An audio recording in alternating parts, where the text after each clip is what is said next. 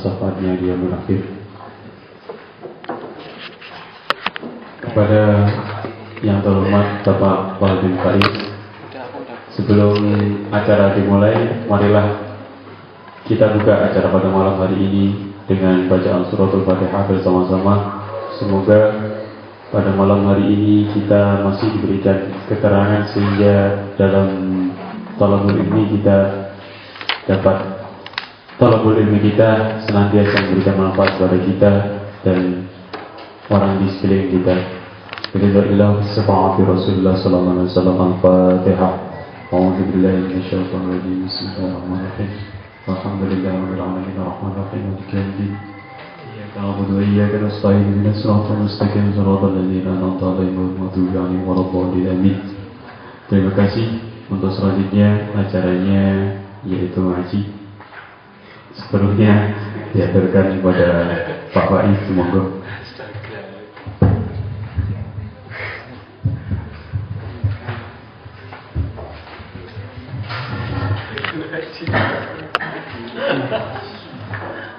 Assalamualaikum warahmatullahi wabarakatuh. Bismillahirrahmanirrahim.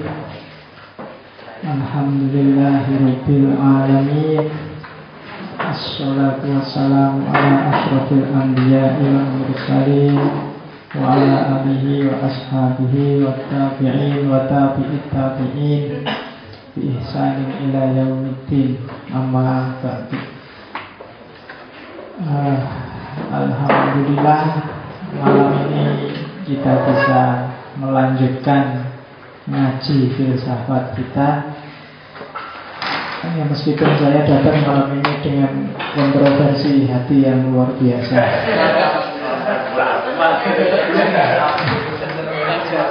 Iya, Tidak yang bikin kontroversi itu karena detik ini ada bal-bal. Sepak bola Indonesia melawan Malaysia Gimana kalau kita ganti aja ngajinya dengan nonton sepak bola Mantap itu Pak Uh, iya. Kalau tidak terbayang wajahmu yang semangat belajar mungkin tak SMS oleh depannya. Aku pamit yang itu kan ya rata lagi. Jadi ya semoga ngaji kita malam ini berkah.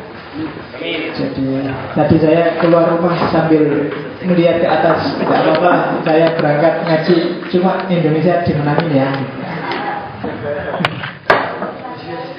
Iya, tapi terus Gusti Allah balas emangnya kalau nggak menang kamu mau apa? Ya nggak apa-apa ya cuma minta aja. Oke, karena kalah sama siapa aja boleh atau jangan sama Malaysia kan itu sebenarnya. Oke, tidak apa-apa lah Karena saya juga mesti nanti Saya membayangkannya Jangan-jangan banyak yang nggak datang ya Tapi setelah saya pikir Biasanya peserta ngaji itu banyak yang labil ekonomi Jadi mesti berkumpul Lumayan ada hati bakar sama Anggar Oke. Hari ini kita mulai masuk ke tema baru. Kalau sebelumnya sesi-sesi 12 pertemuan sebelumnya kita sudah ngomong tentang epistemologi, kemudian logika, kemudian hermeneutika. Hari ini kita masuk ke yang agak sophisticated.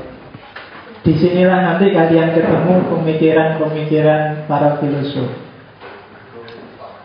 Meskipun nanti kita tidak akan masuk ke satu demi satu tokoh Kita akan masuk secara umum Kemudian kita lihat isu-isu besarnya Karena fokus kita tidak pada menghafalkan pikirannya para tokoh Tapi kita pahami sistemnya Kemudian kita adaptasikan Siapa tahu bermanfaat untuk kita Di level apa pun hidup kita Maunya begitu Ah, tema hari ini adalah ontologi. Malam ini masih pengantar beberapa istilah, kemudian beberapa pola-pola umum dalam ontologi. Pengantar ini agak panjang karena ontologi itu rumit. Mungkin sampai tiga, saya tidak tahu. Bisa jadi nanti bisa empat. Kita masih pengantar ontologi. saya akan ngomong beberapa sistem-sistem besar. Baru setelah pengantar selesai kita masuk isu-isu ontologi mungkin dimulai dari kosmologi tentang alam semesta, kemudian teologi tentang Tuhan dan antropologi tentang manusia.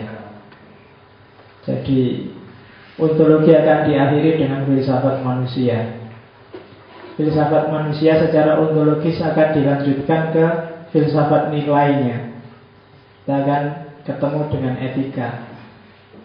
Etika bisa tiga empat kali pertemuan, mungkin sudah season keberapa nanti kita etika. Karena tema-tema yang tak sebut tadi kalau saya ngomong Tuhan, alam, manusia itu bisa panjang. Ngomong tentang Tuhan bisa tiga empat sesi. Manusia juga begitu. Alam mungkin bisa dua tiga kali pertemuan. Jadi pertemuan kita masih panjang. Saya tidak tahu kamu semester berapa sekarang. Jangan-jangan lebih duluan lulus di kampus daripada lulus di sininya. ya, karena nanti saya tidak tahu takbir nanti ngasih ijazah kamu kalau sudah lulus.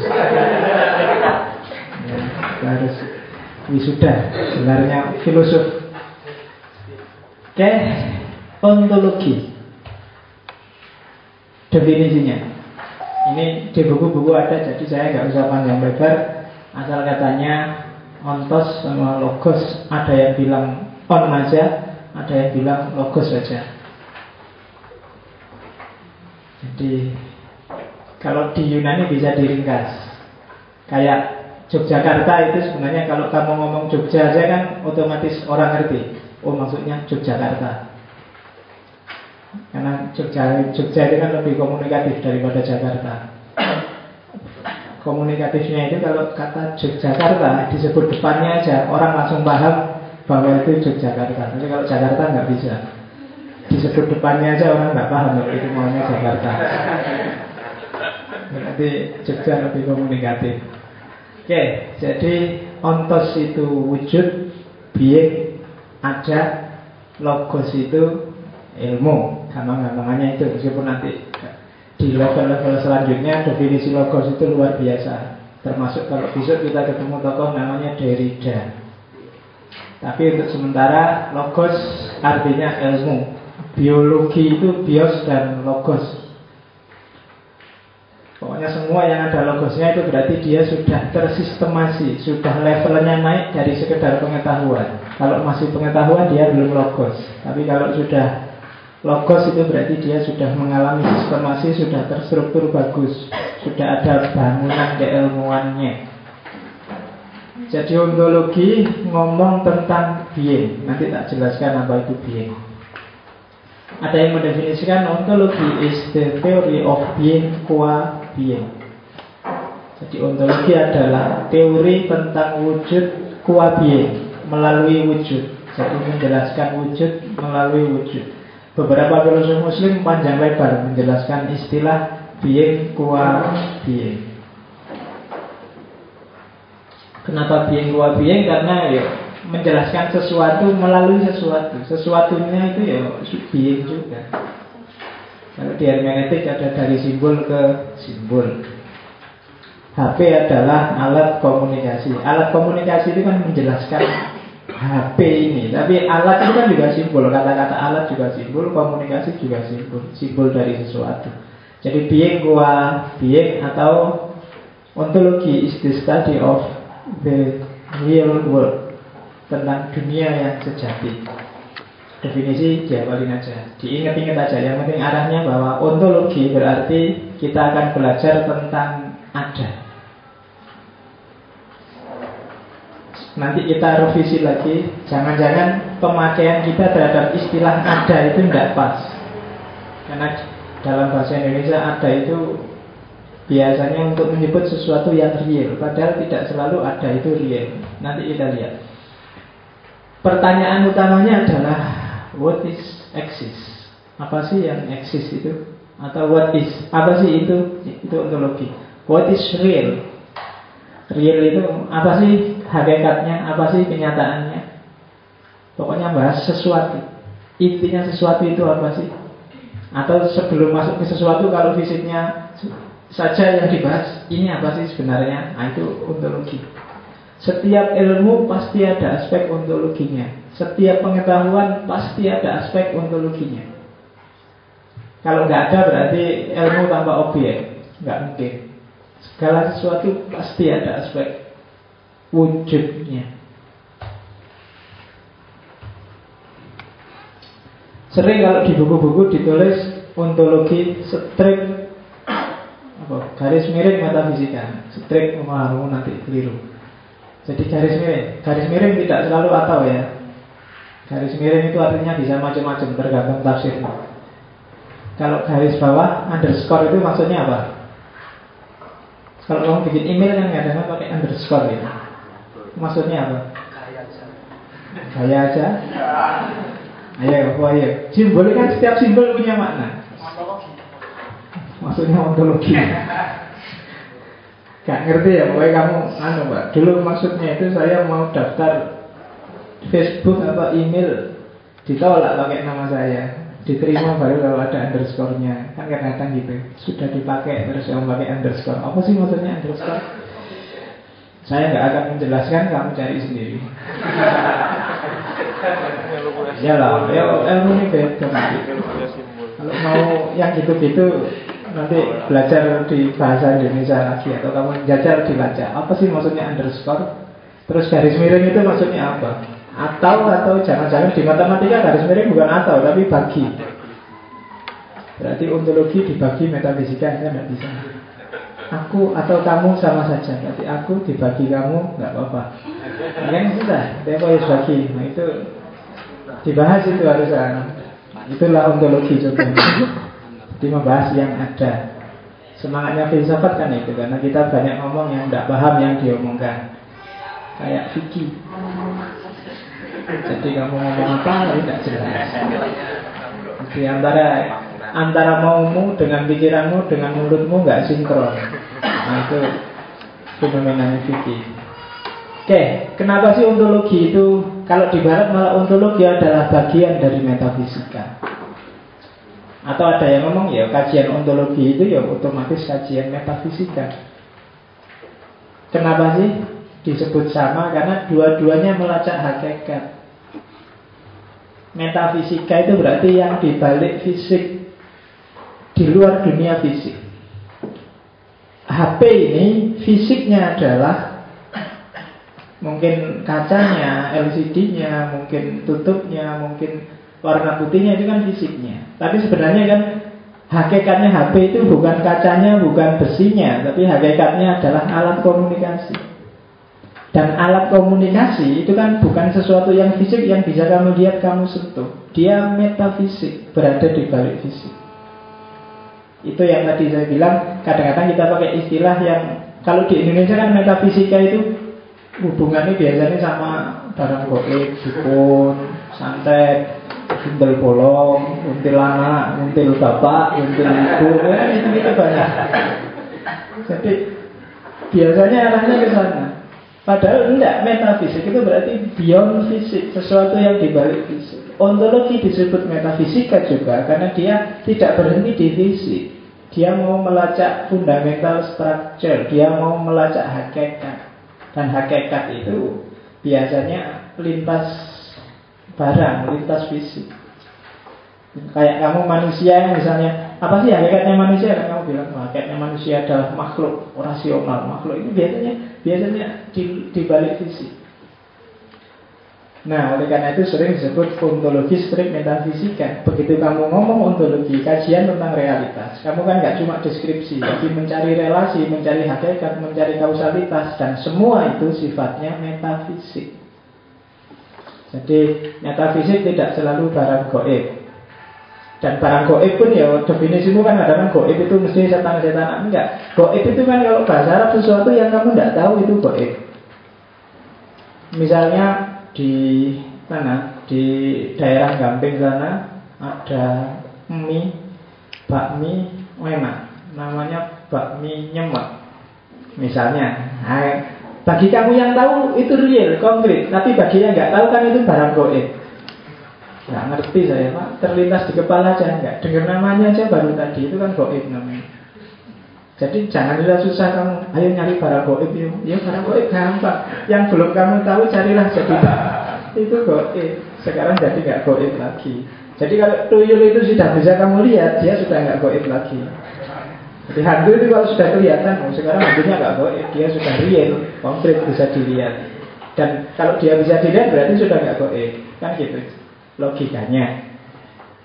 Jadi Jangan heran kalau di setiap buku-buku ontologi pasti ontologi strip fisika. Hei, metafisika. Metafisika berarti sesuatu yang sudah melampaui fisik. Kenapa sih ontologi penting?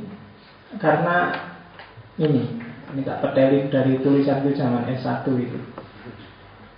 Saya S1 berarti sekitar tahun 93-an. Jadi kamu mungkin belum lahir 93. Iya.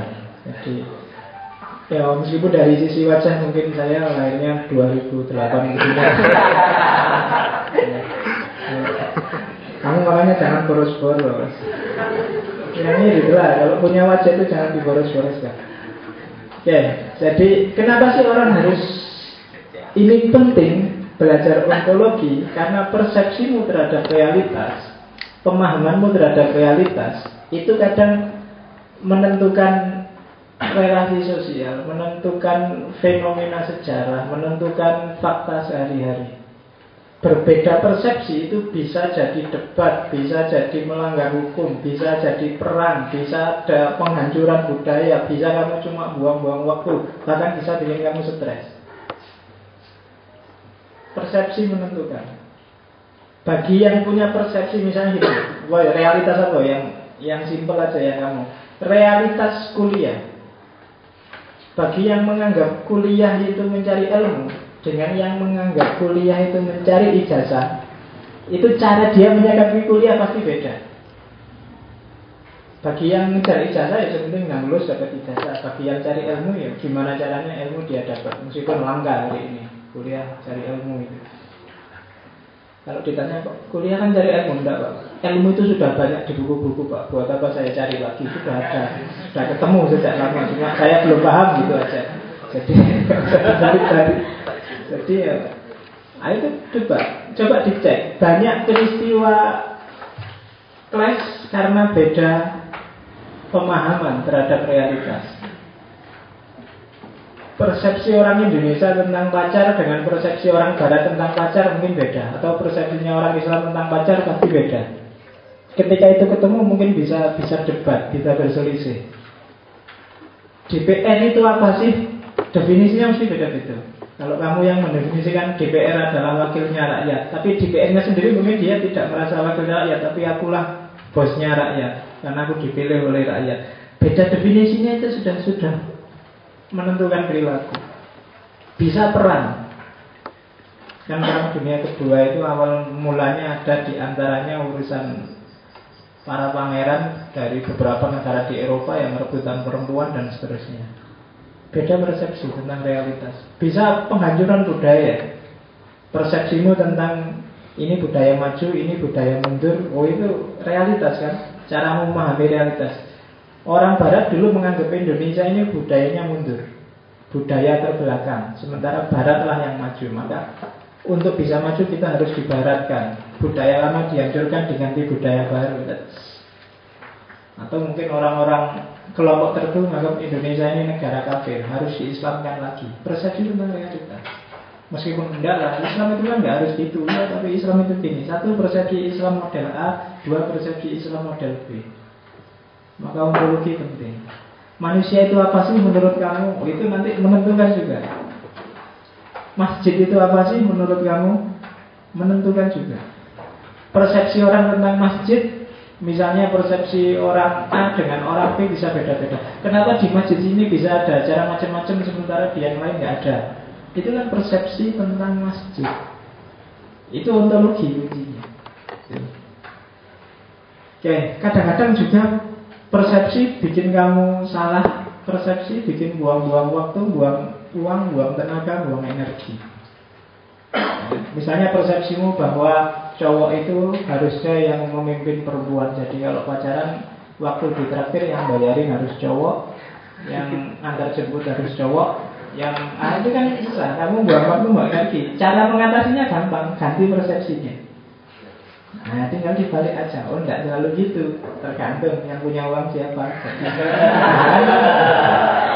Loh iya, urusan bayar membayari itu yang punya uang siapa, urusan jemput menyebut yang punya motor siapa kan gitu. Enggak ada urusan dengan cowok dan tidak cowok. Ah, itu kan ganti persepsinya sudah. Bisa bikin kamu stres juga. Kamu melihat, ya kayak tadi, tak lanjutin contohnya pacaran. Pacaran bagi kamu adalah harus tiap malam minggu apel. Ini kan persepsi. Jadi begitu pacarmu nggak apel, kamu stres di rumah, kurang aja. Malam minggu nggak datang ngapain aja? Kan pasti gitu. Kenapa? Kamu jawab aja. Loh emangnya yang wajibin malam minggu harus apel siapa? Persepsinya diganti dong. Ganti aja. Kenapa malam minggu? Kita Islami harusnya. Malam Jumat. Loh kan gitu. Malam minggu itu kan orang Yahudi hari Sabtu. Nah, kita Islam. Jadi diganti. Apalagi malam Jumat. itu Jadi kalau kemarin saya bilang konsep, saya bilang teori, saya bilang persepsi, itu kuncinya ada di ontologi. Ada di definisi kita tentang realitas, tentang keberadaan. Modus operandi kita dalam hidup itu penentunya adalah hakikat hidup menurut kita apa, sifat dasar alam semesta menurut kita apa. Nyawanya nanti di situ.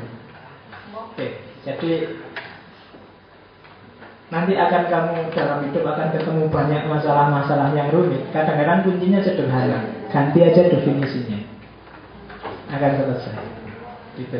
Kalau misalnya kamu stres, aku kuliah sampai semester tua kalau nggak selesai-selesai ya. Nah itu nanti definisinya. Kuliah itu tujuannya tidak cari ijazah. Ya, pokoknya boleh aja daripada kamu kurus gara-gara mikir nggak lulus-lulus Ganti definisi kuliahnya itu apa? Caranya ngomong masih ada. Nah, daripada kamu stres persepsi ya, jadi dibalik aja persepsinya, tinggal diganti definisinya, karena itu menentukan. Oke, sekarang masuk ke being yang ada.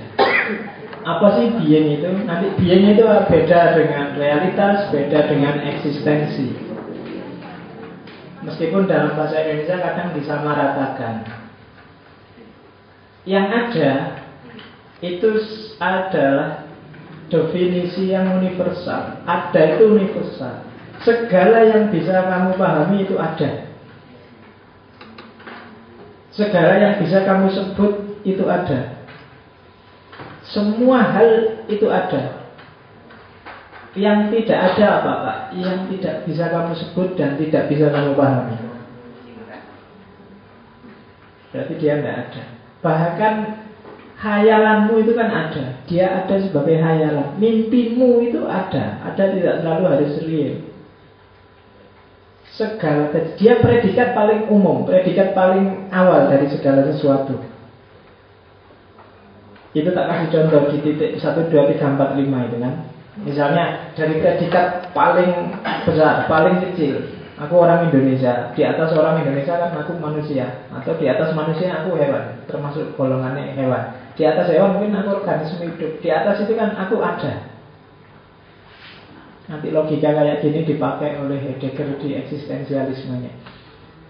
Jadi ada adalah atribut yang paling umum, paling sederhana dan universal. Tidak ada sesuatu pun yang tidak bisa dikasih predikat yang tidak bisa dikasih predikat ada. Segala hal itu ada. Hayalanmu itu kan ada. Meskipun dia tidak real. Meskipun dia tidak eksis. Kamu bayangkan seandainya aku jadi presiden ya. Wah, nah kan itu kan itu cuma hayalan, tapi kan dia ada, ada sebagai hayalan. Meskipun kamu cuma mimpi, tapi mimpimu kan sesuatu yang ada. Jadi sifatnya apa? A priori a priori itu mendahului semuanya. Dia ada di depan. Dan universal. Dia jadi syaratnya realitas, syaratnya eksistensi. Jadi ada tidak sama dengan real, tidak sama dengan eksis, tidak sama dengan hadir. Jadi kalau ada dosen ngabsen, ain ada pak. Itu meskipun air pas nggak masuk, kalau temennya ngomong ain ada pak, itu yang ngomong itu tidak bohong karena ain memang ada. Betul kalau hadir, kalau dia bilang hadir, bohong dia. Tapi kalau dia bilang ada pak, nah itu tidak bohong kamu sah. Kenapa? Lu memang ain ada, meskipun sekarang tidak di sini, kan gitu. Iya. Jadi ajari cara mengapusi dosen. Apalagi dosennya ngabsennya sambil minggu. Ayo, ayo, sekarang ada pak, ada pak. Tidak apa-apa, memang orangnya ada kok bahwa dia tidak di kelas saat ini firmannya tidak eksis ya itu lain acara tapi yang jelas dia ada kalau ada orang tanya surga neraka? Misalnya orang ateis bilang surga neraka ada nggak? Ada. Gitu. bahwa itu urusan real apa enggak saya tidak tahu. Tapi ada. Entah itu ada sebagai konsep ada sebagai keyakinanmu ada dalam pikiran imajinasimu. Tapi kan dia ada jadi paling tidak dalam atribut ini kamu nggak perlu takut untuk debat dengan orang-orang yang anti metafisika, anti dari sisi ada atau tidak, semua hal ada. Dia bisa ada di pikiranmu, ada dalam lamunanmu. Asal bisa kamu tangkap, bisa kamu pahami, tidak harus ada barangnya, maka dia eksis, ada.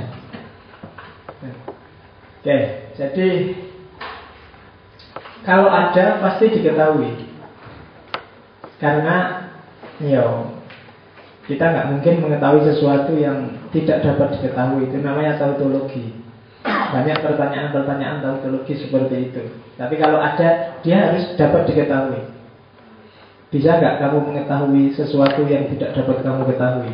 Itu kan bulat, tidak Karena ada itu, dia sifatnya a priori, dan universal dia pasti dapat diketahui. Kalau dia tidak dapat diketahui, pasti tidak ada. Begitu kita mengetahui, pasti dia ada.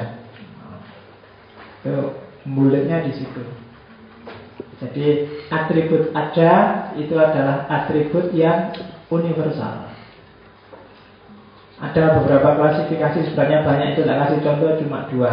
Kalau dalam filsafat Islam kemudian dikenal pembagian wajibul wujud sama mungkinul wujud yang sungguh-sungguh ada dan yang cuma mungkin adanya. Nah itu nanti panjang kita bahas di belakang. Termasuk juga ada yang nyata benar-benar ada, ada yang tampaknya saja ada, padahal tidak. Nah, spring itu kan ada, ya kan? Salah satu contohnya gitu. Nanti kita jelaskan klasifikasi di belakang. Tapi yang jelas sekarang cukup dipahami ya, ilmu kita nyampe being tentang yang ada. Jadi sebelum ada sifat apa pun, yang pertama-tama harus ada adalah being. Kalau dalam bahasa filsafat ini namanya first order predicate. Jadi predikat level 1 setelah itu baru ada predikat level 2, level 3 dan seterusnya. Orang sering kadang-kadang level ini orang nggak sadar terus jadi bahan guyonan. Kayak gimana kriteria pacar yang kamu ketahui? Yang paling ingin kamu inginkan? Ya saya ingin yang rambutnya panjang, kulitnya putih, yang anu terus kalau kamu gimana? Saya ingin yang ada saja lah. Nah, kan ada yang kayak gitu. Itu seolah-olah lebih cerdas yang ditanya kedua ini. Tapi sebenarnya dia tidak cerdas. Kenapa? Karena yang ditanyakan bukan first order. Ketika saya tanya kriteria pacar yang kamu inginkan, ya mesti aja yang ada. Ada itu first ordernya. Saya mau tanya level keduanya, second order predikatnya, predikat level selanjutnya. Saya mau cari yang cakep, yang mana, yang kamu, saya nyari yang hidup aja lah pak. Nah, kan Beda level sudah gitu. Jadi predikat pun ada level-levelnya. Jangan salah. Seolah-olah yang bilang yang ada aja Pak itu lebih pintar, tapi sebenarnya lebih bodoh dia.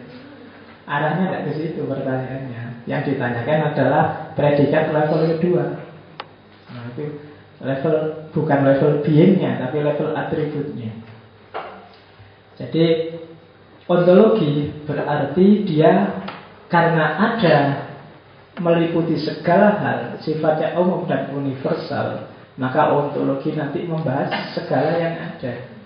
Termasuk Tuhan, termasuk kosmos, alam, dan termasuk manusia.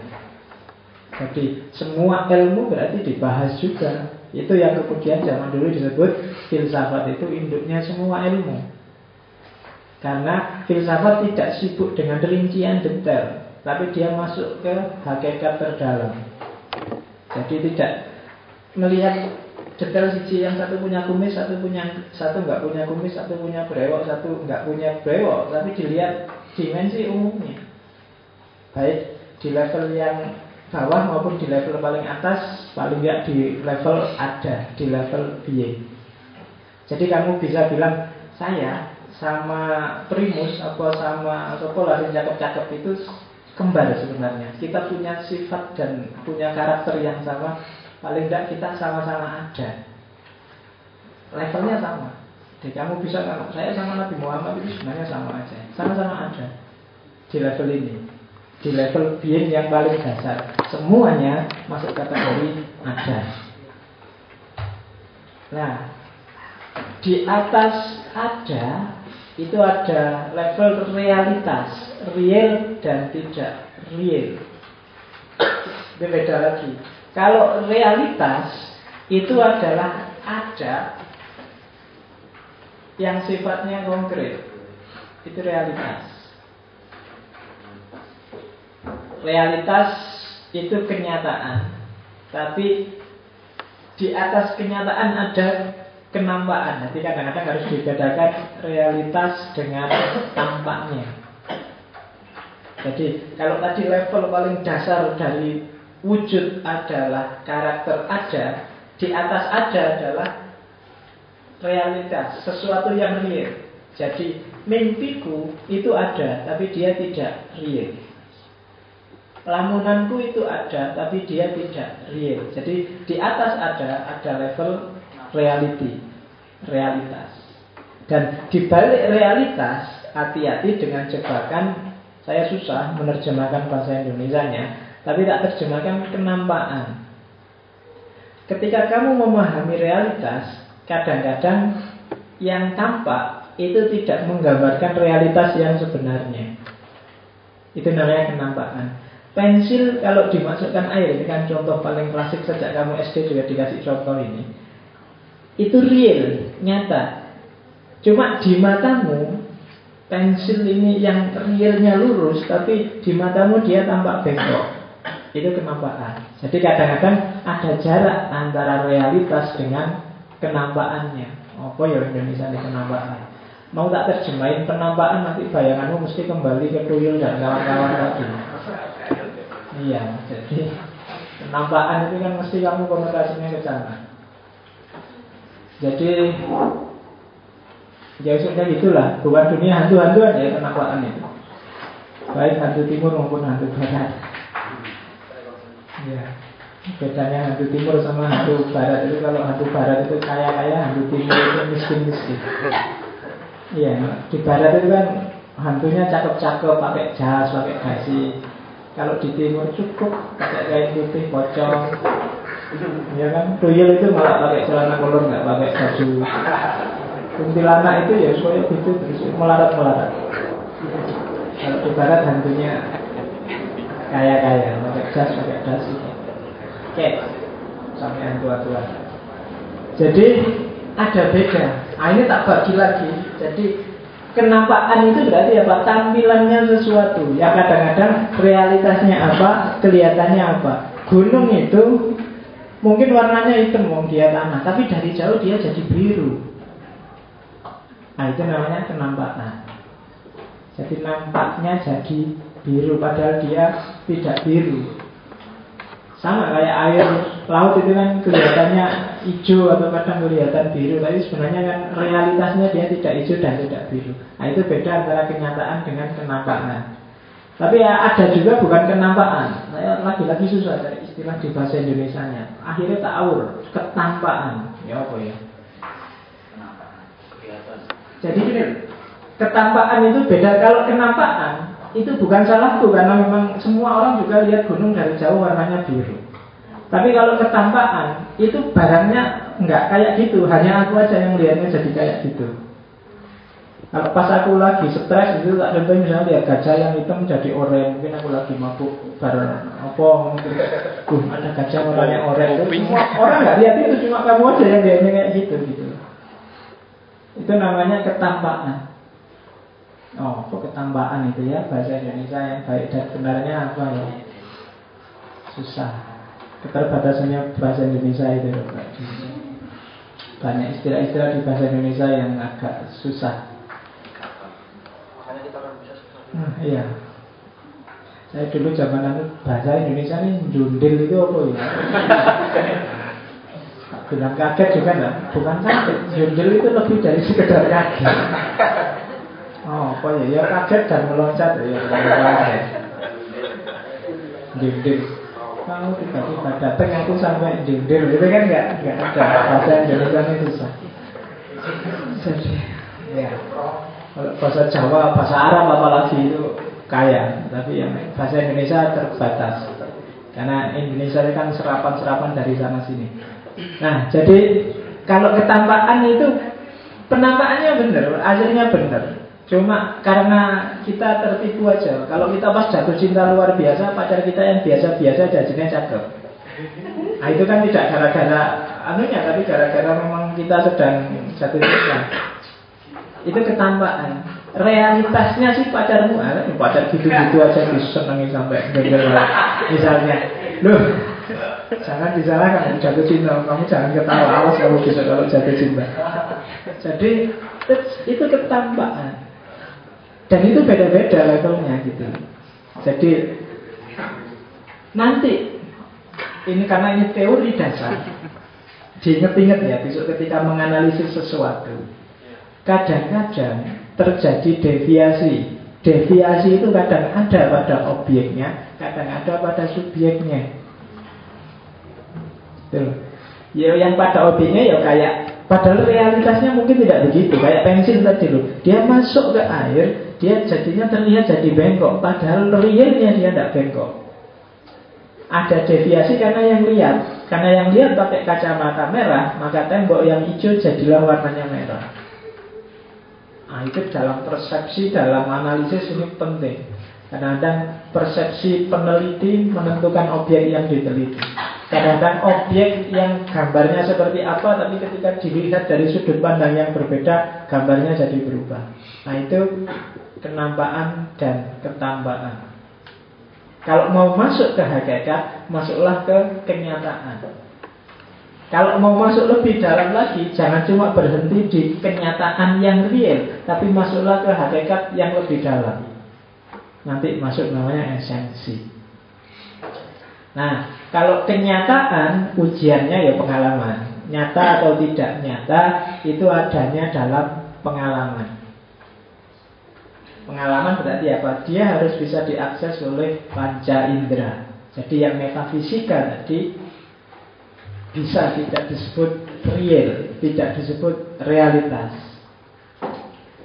Realitas itu berarti dia harus bisa diakses oleh dunia indrawi. Dan hati-hati ketika kamu menyerap realitas, karena kadang realitas tidak menampakkan wajahnya yang sebenarnya. Apalagi hari ini, berita itu kan muter-muter tidak karu-karuan. Kamu susah mendeteksi mana real dan tidak real. Ketika kamu sudah ketemu orang yang real, ini kenampakannya seperti apa? Jangan-jangan persepsimu sudah geser sehingga yang bagus tampaknya jadi jelek. Nah itu hati-hati. Ini level ontologis yang selanjutnya. Di atas kenyataan ada level eksistensi. Ada yang menyamakan realitas dengan eksistensi. Tapi secara umum eksistensi dengan realitas berbeda. Banyak hal yang real tapi dia tidak eksis. Untuk bisa eksis paling tidak syaratnya dia harus konkret. Bisa dilihat, bisa dipegang, bisa diminum, bisa dirasakan. Lihat ini malah gambarnya tiba-tiba jadi diminum. Oke, pikirannya mulai. Jadi eksistensi syaratnya konkret. Yang kedua bersifat publik. Bersifat publik itu kamu bisa lihat, saya bisa lihat, dia bisa lihat. Tak pegang hangat, kamu juga bisa pegang ke sini hangat. Kalau nggak percaya ke sini aja, hangat. Semua orang juga akan begitu. Berarti dia publik, dia tidak sembunyi-sembunyi. Dan yang ketiga, dia menempati ruang dan waktu. Oke. Banyak nanti tadi saya bilang ada yang menyamakan realitas dengan eksistensi. Ada yang bilang bahwa kalau dia sudah real berarti dia sudah eksis. Tapi yang bilang berbeda adalah kalau dia real tapi tidak bersifat publik maka dia tidak eksis. Kamu punya grup band real, tapi tidak ada orang satupun yang tahu. Hanya kamu dan anggota bandmu yang ngerti. Itu berarti kamu tidak eksis. Kamu ngaku-ngaku saya itu sebenarnya cakep loh, tapi hanya aku sendiri yang ngerti. Nah itu berarti ya mungkin real kamu cakep, cuma tidak eksis. Jadi eksistensi itu adalah ketika dia bersifat publik dan konkret. Makanya kan bahasa Indonesia sekarang mungkin lebih baca jadi eksis. Saya ingin eksis. Nah, eksis itu berarti diakui oleh publik dari definisi ini. Jadi existence. Jadi banyak hal yang real tapi tidak eksis. Dulu misalnya sebelum ditemukan Candi Borobudur itu sudah ada. Hanya saja nggak ada satu orang pun di dunia yang tahu. Maka dia real tapi tidak eksis. Tidak ya tidak eksis, tidak mengejawantah kalau bahasa pedalangannya, tidak mewujud. Jadi eksistensi itu berarti ketika sesuatu yang konkret menempati ruang dan waktu dan bersifat publik. Di situ ada dengan rasa sedih. Hatiku sedih misalnya, itu kan hanya aku yang tahu. Kalau aku tidak ngomong, kalau aku tidak berperilaku yang menunjukkan kesedihanku, maka kesedihanku ini tidak eksis. Untuk bisa eksis harus diketahui publik. Saya sebenarnya rajin kok Pak, hanya saja memang saya sering bolos. Nah, tidak bisa. Ketika kamu sering bolos berarti kamu tidak rajin. Kalau kamu ingin eksis disebut orang rajin, kamu harus masuk terus. Nah itu eksistensi namanya. Makanya nanti ada aliran namanya eksistensialisme. Jadi tidak cukup dengan hanya kamu ada dan real, tapi kamu juga harus berada. Nah, susahnya ini. Jadi berada itu nanti ada juga istilah mengada. Jadi yang ada hubungannya dengan eksistensi. Mengada itu membuat dirimu jadi ada, jadi eksis maksudnya. Berada juga begitu, memposisikan dirimu dalam ruang dan waktu tertentu. Nah, modus-modus wujudmu sekarang harus ditata lagi kalau bikin kata-kata.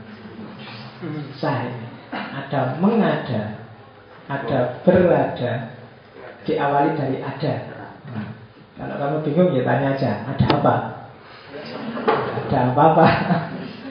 Kalau saking stresnya nggak usah dipahami lagi, paling kamu komentar ada-ada saja. Tinggal dijalani, diteorikan jadi jelimet. Cuma hati-hati, banyak orang ketika miss dalam kayak gini, terus kayak tadi, kadang kamu jadi stres karena salah atribut. Kapan kamu eksis, kapan kamu hanya real, kapan kamu sekedar ada. Kapan yang real ini penampakannya jadi berbeda. Mau A tapi orang menangkapnya B. Nah, ini realitas. Yang hari kami berhadapan dunia yang seperti ini. Nah, di balik eksistensi ada esensi, ada juga substansi. Nah, ini pokoknya yang ada sisinya ya kalau fikih itu. Harmonisasi, statusisasi dan kawan-kawan. Karena gara ini mungkin dia di bawah sadarnya bilang pokoknya kalau ingin disebut ilmiah belakangnya harus si si si jadi dia ngomongnya dikasih si statusisasi ada harmonisasi ada gitu oke ya besok kita pengajiannya diganti apa misalnya. Filosofisasi kan sih. Oh, dikasih sasi-sasi rasanya ilmiah. Kita melakukan segerisasi tenggorokan. Oke. Iya. Biar semakin mempertajam konsentrasi. Oke, esensi. Kalau esensi itu kutub yang berseberangan dengan eksistensi. Kalau eksistensi dimensinya publik, kalau esensi hakikat terdalamnya. Kayak tadi, eksistensi dari HP ini adalah warnanya yang putih, ringtone yang seperti apa, yang bisa kamu dengar, ukurannya berapa, wujudnya berapa, yang bisa kamu lihat, dan seterusnya. Esensinya adalah dia alat komunikasi. Itu esensi. Jadi esensi itu orang menyebutnya hakikat. Jadi esensi inilah nanti yang sifatnya metafisika di balik fisik gitu. Senyumku padamu esensinya adalah nah itu esensi namanya. Ya macam-macam mungkin. Saya sebenarnya ingin menertawain kamu atau saya sebenarnya basa-basi saja atau saya sebenarnya sedang sinis padamu atau macam-macam senyum. Nah, makna-makna dari senyum yang itu tidak tampak karena bentuk senyumnya atau sama, secara eksisten dia sama, wujudnya ya hanya mulutmu yang ada gerak dikit agak melebar dikit gigimu kelihatan separuh kemudian nah itu kan eksistensi senyum. Cuma ada apa di balik senyum? Itulah esensi. Hakikat sesuatu. Islam adalah agama yang cinta damai. Nah cinta damai itu biasanya eksistensinya. Oh, esensinya jadi hakikat yang ada di balik yang fisik Zaman dulu para filosof juga begitu kan. Kebanyakan filosof-filosof klasik itu apalagi yang punya pikiran monistik, dia mencari hakikat pasti. Apa sih hakikatnya hidup ini? Apa sih hakikatnya alam semesta itu? Dan hakikat itu pasti tidak kamu temukan dengan perangkat indrawi tidak bisa diakses oleh panca indramu maka mengejarnya harus pakai refleksi harus pakai kontemplasi harus pakai ya sebenarnya intinya apa ya?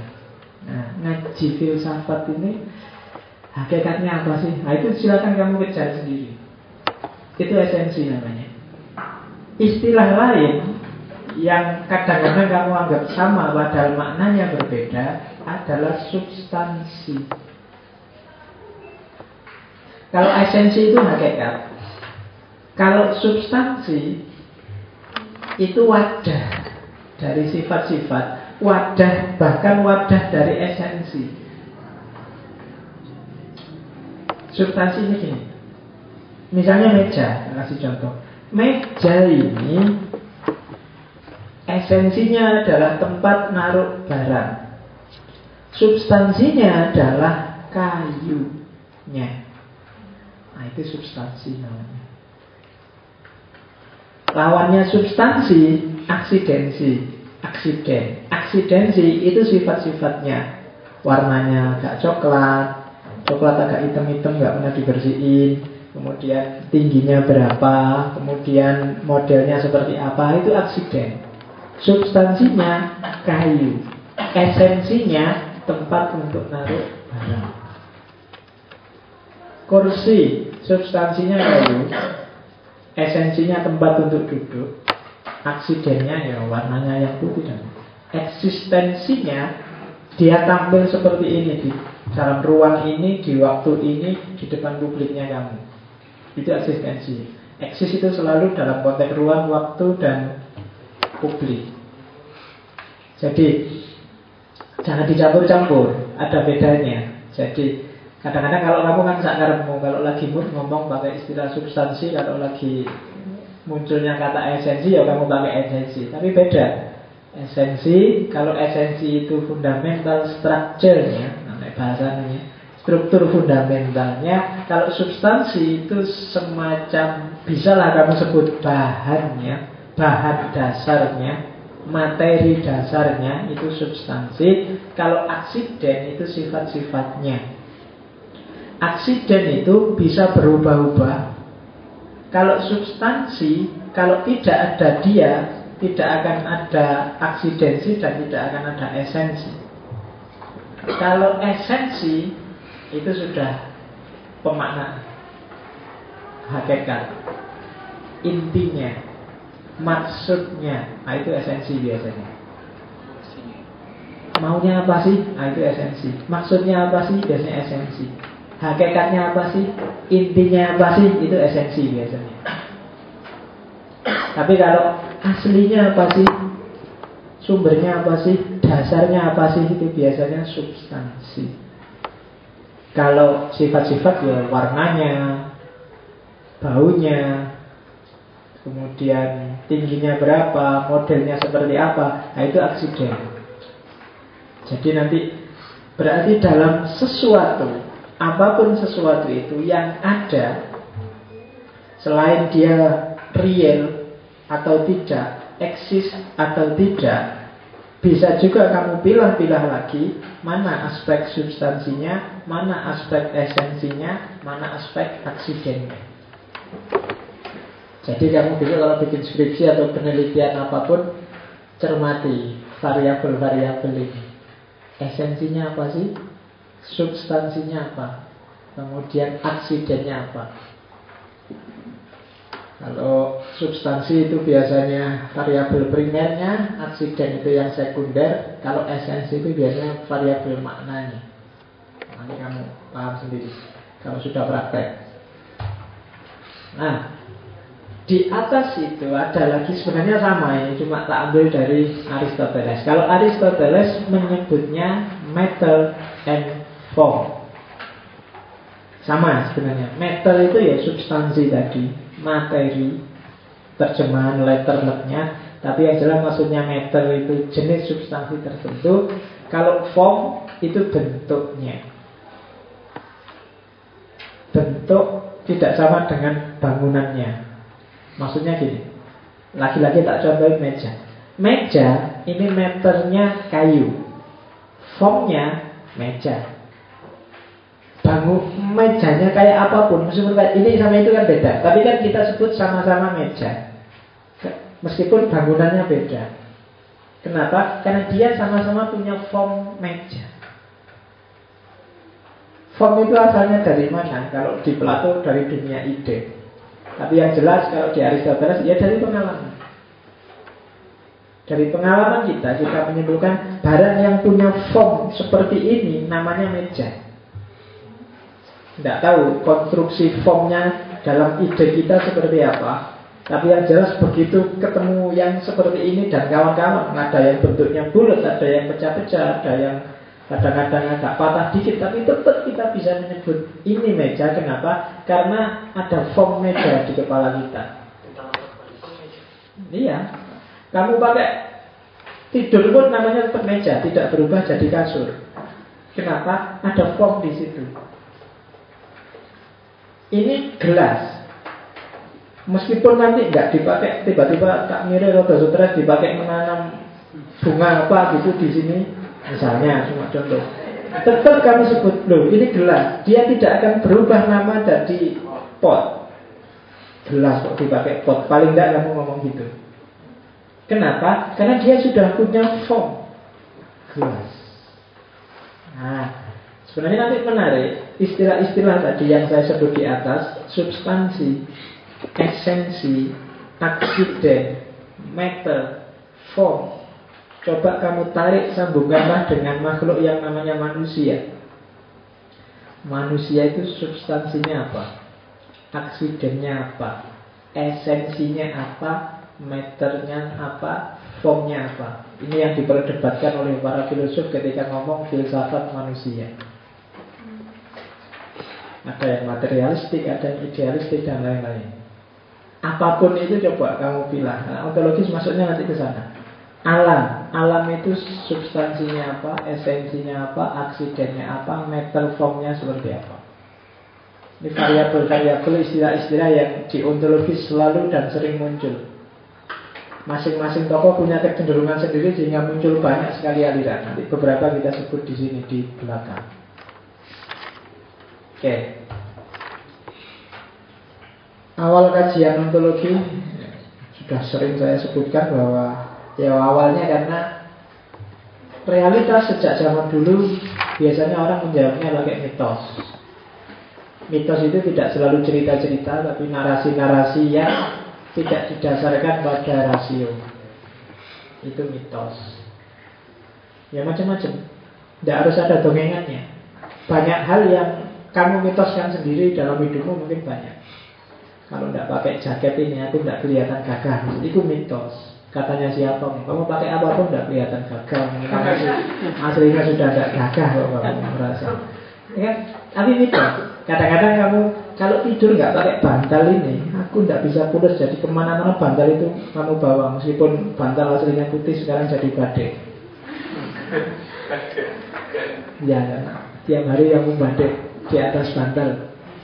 Dan itu mitos sudah, bantal itu sudah jadi mitos bagi sama kan macam-macam mitos itu tidak selalu bentuknya positif kadang ada mitos-mitos negatif pokoknya ah, mitos-mitos negatif kayak kalau orang Madura itu, wah aku enggak. Nah itu mitos itu lagi-lagi. Mitologis, dasarnya tidak rasional. Ah mahasiswa UIN itu deson-deson. Ah misalnya, itu mitos. Katanya siapa? Enggak ada mahasiswa UIN deso yang sangat deso banyak. Jadi Nah, paradigma yang tidak rasional seperti ini nanti yang didobrak sehingga melahirkan kajian ontologis. Awalnya bukan epistemologi loh filsafat, ontologi dalam sejarah tapi. Meskipun di sini tak balik kamu belajar epistemologi dulu. Ya kayak Thales dan kawan-kawan, Demokritos dan seterusnya. Ya Thales bahasa orang Yunani bukan Thalesnya orang Jawa. Ya, jadi kalau di Yunani kan mitologi banyak. Kamu lihat ada Zeus, Hercules, Sina dan kawan-kawan itu. Kamu lihat di TV-TV itu kan. Dunia mitologi. Jadi ada Thor, ada apa lagi? Ya meskipun mitologi hari ini kamu bikin-bikin sendiri ada Iron Man, ada Superman, ada Batman, ada ya kan gitu-gitu. Mitologinya orang modern. Ya, ketika kamu sudah stres, bingung gimana ya bisa, ah, terus kamu bayang-bayangkan bikin mitos sendiri.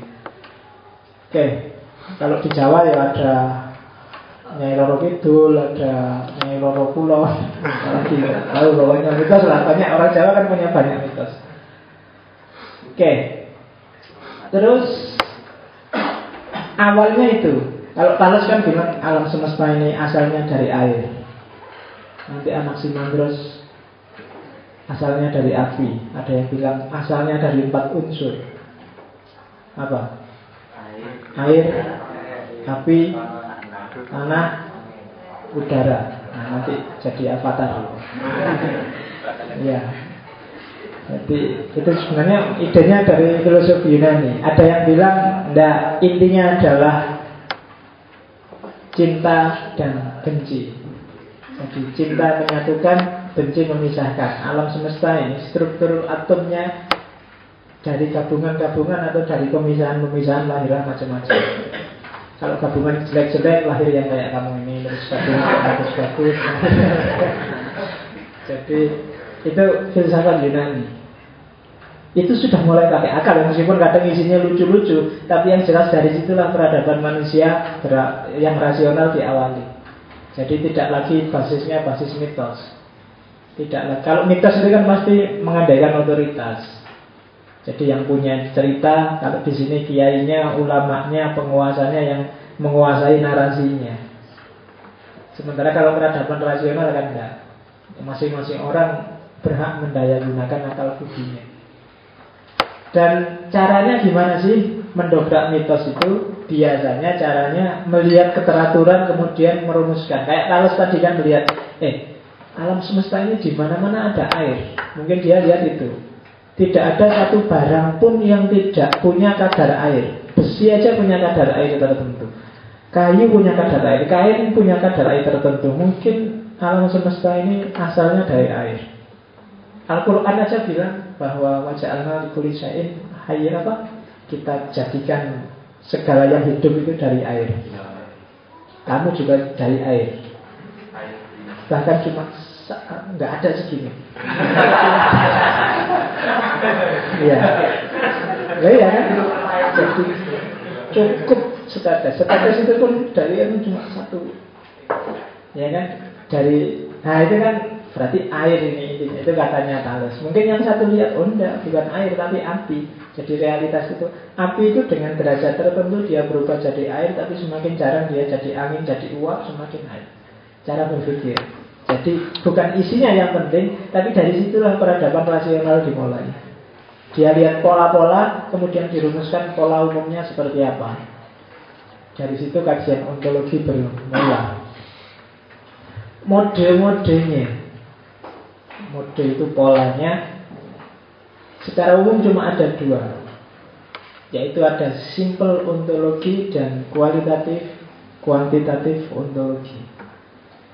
Simple ontologi itu ya Ontologi sehari-hari yang kita tiap hari memahami realitas itu pakai simple ontologi Kita pahami bahwa Oh tehnya agak anget Nah, ini simple ontologi, kamu nggak perlu cari referensi, nggak perlu cari buku, nggak perlu Hegel bilang apa ya tentang teh, nggak perlu. Ini simple ontologi namanya. Oke, oh tehnya manis, oh kurang gula dikit. Nah, itu simple ontologi namanya. Gak perlu kamu konsultasi sama ahli kimia tentang gula, pokoknya itu yang ngerti. Nah, itu simple ontologi. Jadi cuma contoh aja. Oke, jadi warnanya, ukurannya, rasanya gimana? Itu simple ontologi. Memahami realitas, memahami ada, memahami eksistensi, memahami esensi dari hal-hal yang simple. Setiap orang pasti bisa. Gado-gadonya kok terlalu pedes ya, itu bisa. Kulitmu kok hitam ya, nah itu bisa. Simple ontologi. Kamu nggak perlu nyari pola gradasi warna kayak kayak iklannya Pepsodent itu nggak perlu mengukur pakai itu sudah yakin bahwa gigimu kuning. Nah itu simple ontologi. Kamu nggak perlu pakai ke laboratorium segala. Jadi sederhana itu tak pakai istilah bersahaja. Nggak tahu bersahaja ini apa cuma tak tonton di kamus bahasa Indonesia itu simple itu sederhana dan bersahaja. Boleh itu mungkin kayak kamu tiap hari. Pokoknya saya cari pacar yang baik hati dan tidak sombong kan. Meskipun pernah ngerti kalau baik hati itu apa. Kamu nggak pernah mendefinisikan itu. Oke. Kali itu simpel nggak perlu dibahas Begitu kamu lahir, begitu akalmu jalan, kamu sudah menyerap dan mendefinisikan, memilah-milah, mengklasifikasi, membagi-bagi. Simple ontologi. Tapi ada juga yang dianalisis. Kalau yang dianalisis aspek fisik dan ukurannya, panca inderanya, biasanya disebut ontologi kuantitatif. Satu apa dua jumlahnya, seberapa besar bedanya dia dibandingkan dengan itu, dan seterusnya ini realitas yang sejati apa realitas palsu? Ini penampakannya apa ketampakannya ini yang salah lihat saya apa memang realitasnya seperti itu? Itu kuantitatif. Melihat aspek yang terlihat aspek yang terdeteksi oleh panca indera itu ontologi kuantitatif. Benar nggak sih? Kamu lebih tinggi dari aku coba dibandingkan. Oh ya sama dan seterusnya. Rambutmu sama rambutku lebih keriting mana misalnya. Itu tidak bisa dipahami secara simpel. Ini harus diukur secara kuantitatif. Karena kita sama-sama rambutnya agak melungker-melungker. Melungkermu cuma sekitar 40 derajat, sementara melungkerku Nah, itu kuantitatif, agak melingkar. Mungkin ya kayak gitu. Itu kuantitatif. Banding membandingkan Apakah ini tunggal apa jama Realitas ini nyata apa palsu Realitas ini tampaknya saja kayak gitu apa Enggak. Dari jauh kelihatan cakep, cakep beneran nggak ya kira-kira? Coba, nah itu kuantitatif. Di atas kuantitatif ada yang lebih rumit lagi. Di sini metafisika. Pendekatannya kualitatif. Seperti apa hakikatnya? Apa sih intinya? Hakikat maknanya seperti apa sih? Maksud keberadaannya apa sih? Nah, itu kualitatif. Jadi membahas sampai ke balik yang fisik. Fisiknya tadi misalnya ini tehnya agak terlalu manis. Kalau mau dibahas secara metafisik, kenapa bisa begitu? Hakikatnya teh yang terlalu manis ini apa? Misalnya, oh ini ada takmir yang sentimen ini mesti. Atau ini ini korupsi mesti harusnya gulanya dikasih sak sendok, dikasih cuma setengah misalnya. Itu kan metafisik. Kita tidak ngerti ada kejadian apa, cuma kita masuk ke balik sana dengan segala variabel yang menyertainya. Nah, itu namanya pendekatan kualitatif. Jadi tidak berhenti di kelihatannya, tapi kita masuk jauh ke balik dunia fisiknya. Oke. Dan ini lebih berbobot. Kualitatif itu lebih apa? Lebih berbobot, lebih valid, bahkan dianggap lebih bernilai dibandingkan kuantitatif. Karena memang kajiannya lebih rumit. Jadi kalau kamu ingin disebut orang berbobot, nah, jangan berhenti di kuantitatif dalam hal apa pun. Jadi, mikirnya agak metafisik agak kualitatif itu biasanya lebih dalam tanda petik lebih dianggap orang pintar ketika kamu bisa bermain dengan konsep, bermain dengan teori dan yang bisa ke sana itu kualitatif bukan kuantitatif. Cari pacar kan juga gitu. Kalau kamu cuma berhenti pada fisik ya, ya, tidak akan tahan lama. Kamu harus masuk ke balik yang fisik. Ya nggak tahu balik fisik itu apa Bukan hartanya loh ya, harta tetap fisik gitu. Jadi jangan melihat wajahnya, karena yang kuantitatif itu tidak tahan lama. Kualitasnya aja. Oke, ya kecuali terpaksa orang itu Kan saya selalu bilang itu karena yang lebih tahan lama itu bukan yang cakep. Cakep itu tidak tahan lama. Karena sekarang cakep paling umur-umur 50 ke atas sudah nggak cakep lagi. Tapi kalau jelek tahan lama. ya, sekarang jelek semakin lama justru semakin tahan. Nggak berubah-ubah. Oke. Sekarang kita masuk ke tipe argumen ontologi. Kayak gimana sih tipe argumen ontologis itu?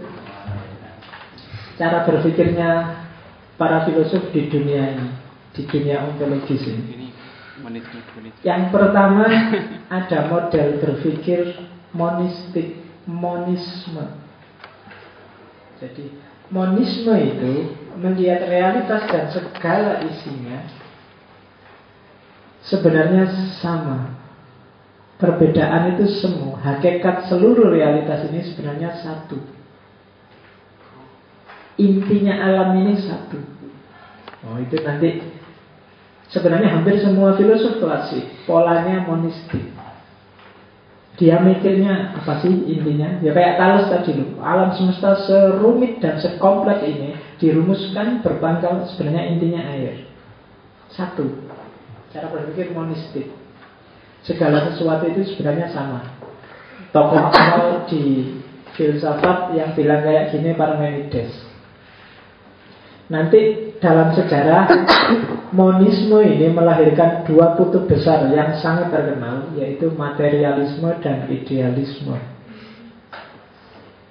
Kalau materialisme bilang bahwa realitas alam semesta ini hakikatnya hanya satu yaitu materi, sementara di yang kedua hakikatnya ya, hanya satu yaitu dunia ide, dunia rohani, dunia non materi. Dan perdebatannya sampai hari ini. Meskipun tidak cuma dua. Ngomong materialisme dan idealisme akan sangat panjang. Maka dua ini akan kita bahas minggu-minggu depan Mungkin minggu depan materialisme dan idealisme Kalau waktunya nyampe, kalau nggak nyampe Ya materialisme aja kita ngomong minggu depan Karena materialisme banyak apalagi sampai nanti materialisme historis materialisme dialektis dengan ketemukan mak dan kawan-kawan jadi agak panjang Idealisme juga begitu. Idealisme kita banyak. Filosof Jerman itu kebanyakan idealis. Hegel dan kawan-kawan. Jadi mungkin minggu depan kita ngomong materialisme, minggu depannya lagi kita ngomong idealisme. Kalau yang lain yang dualisme, pluralisme itu bisa kita paket jadi satu sesi. Tapi yang ini agak panjang karena Filosof-filosof klasik sampai modern itu polanya cuma dua. Kalau nggak materialis, idealis. Monisme. Dua-duanya monistik.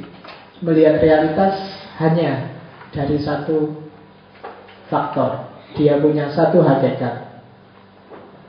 Apakah itu materi atau ide? Apakah jasmani atau rohani? Yang kedua, ada model naturalisme.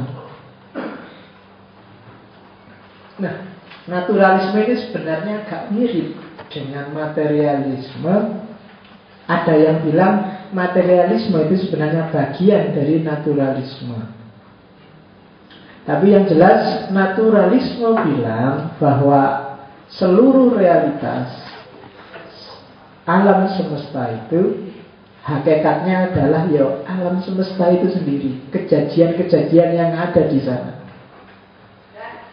peristiwa-peristiwa yang ada di dalamnya, fenomena-fenomenanya.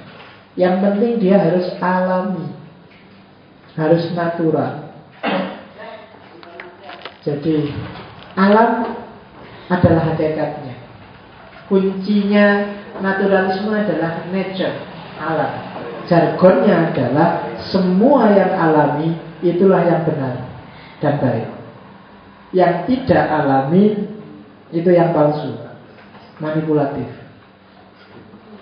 Itu jargonnya naturalisme.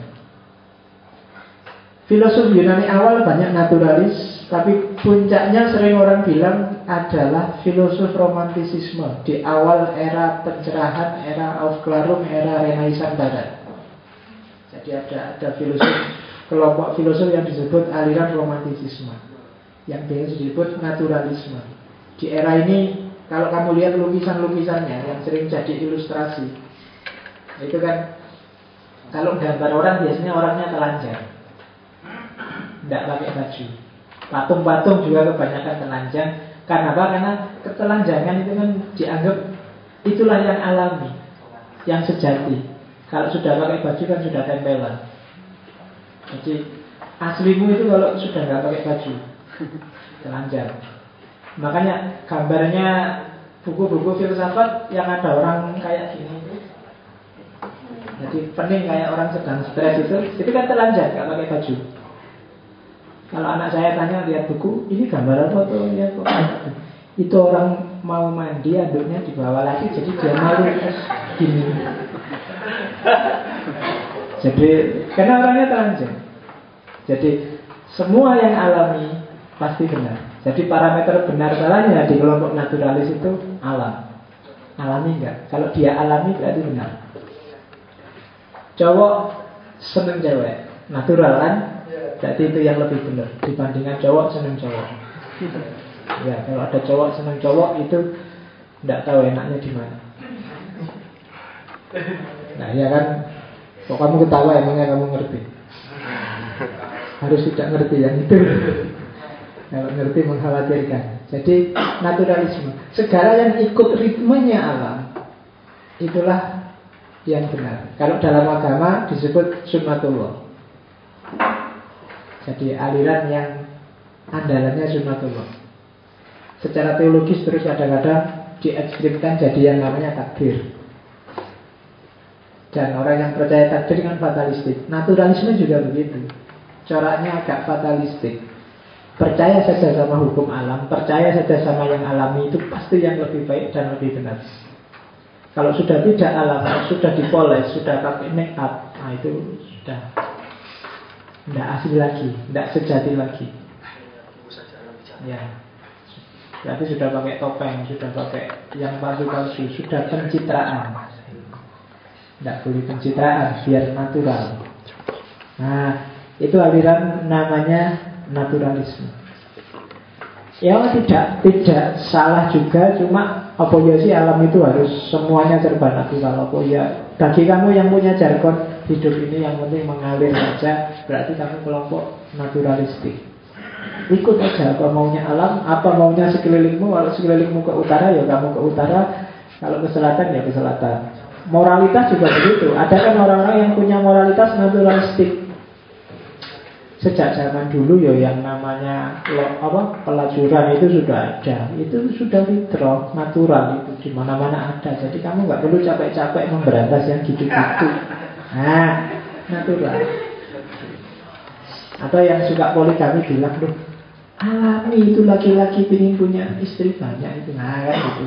Argumen naturalistik kalau ditanya satu-satu pasti cowok-cowok mau gak punya istri lebih dari satu. Hanya urusannya berani apa tidak berani kan gitu aja. Kan terus gitu bilangnya. Itu naturalistik. Apa iya sih semuanya harus diukur kayak gitu kan? Tinggal nanti kamu bahas sendiri. Semoga nanti naturalisme masuk juga ketika kita ngomong kosmologi.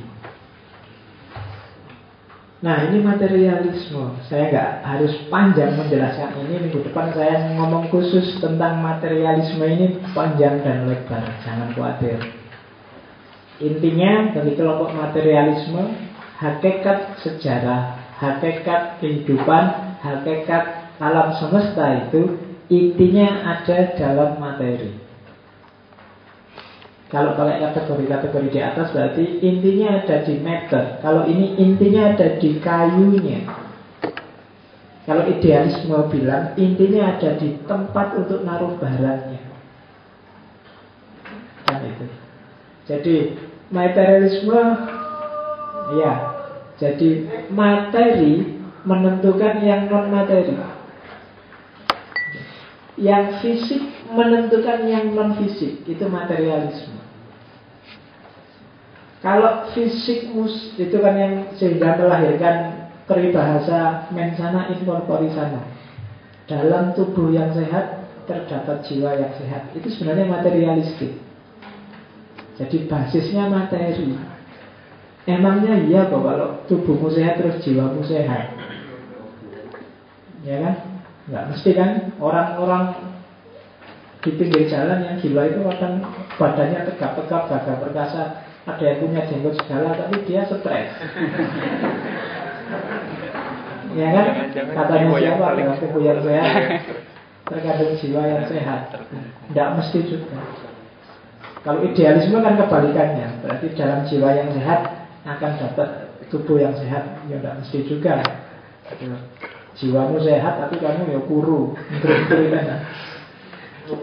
Jadi ya tinggal tulang sama untuk jadi enggak apa menjelaskan realitas yang kompleks dengan narasi yang tunggal. Itu yang jadi masalah.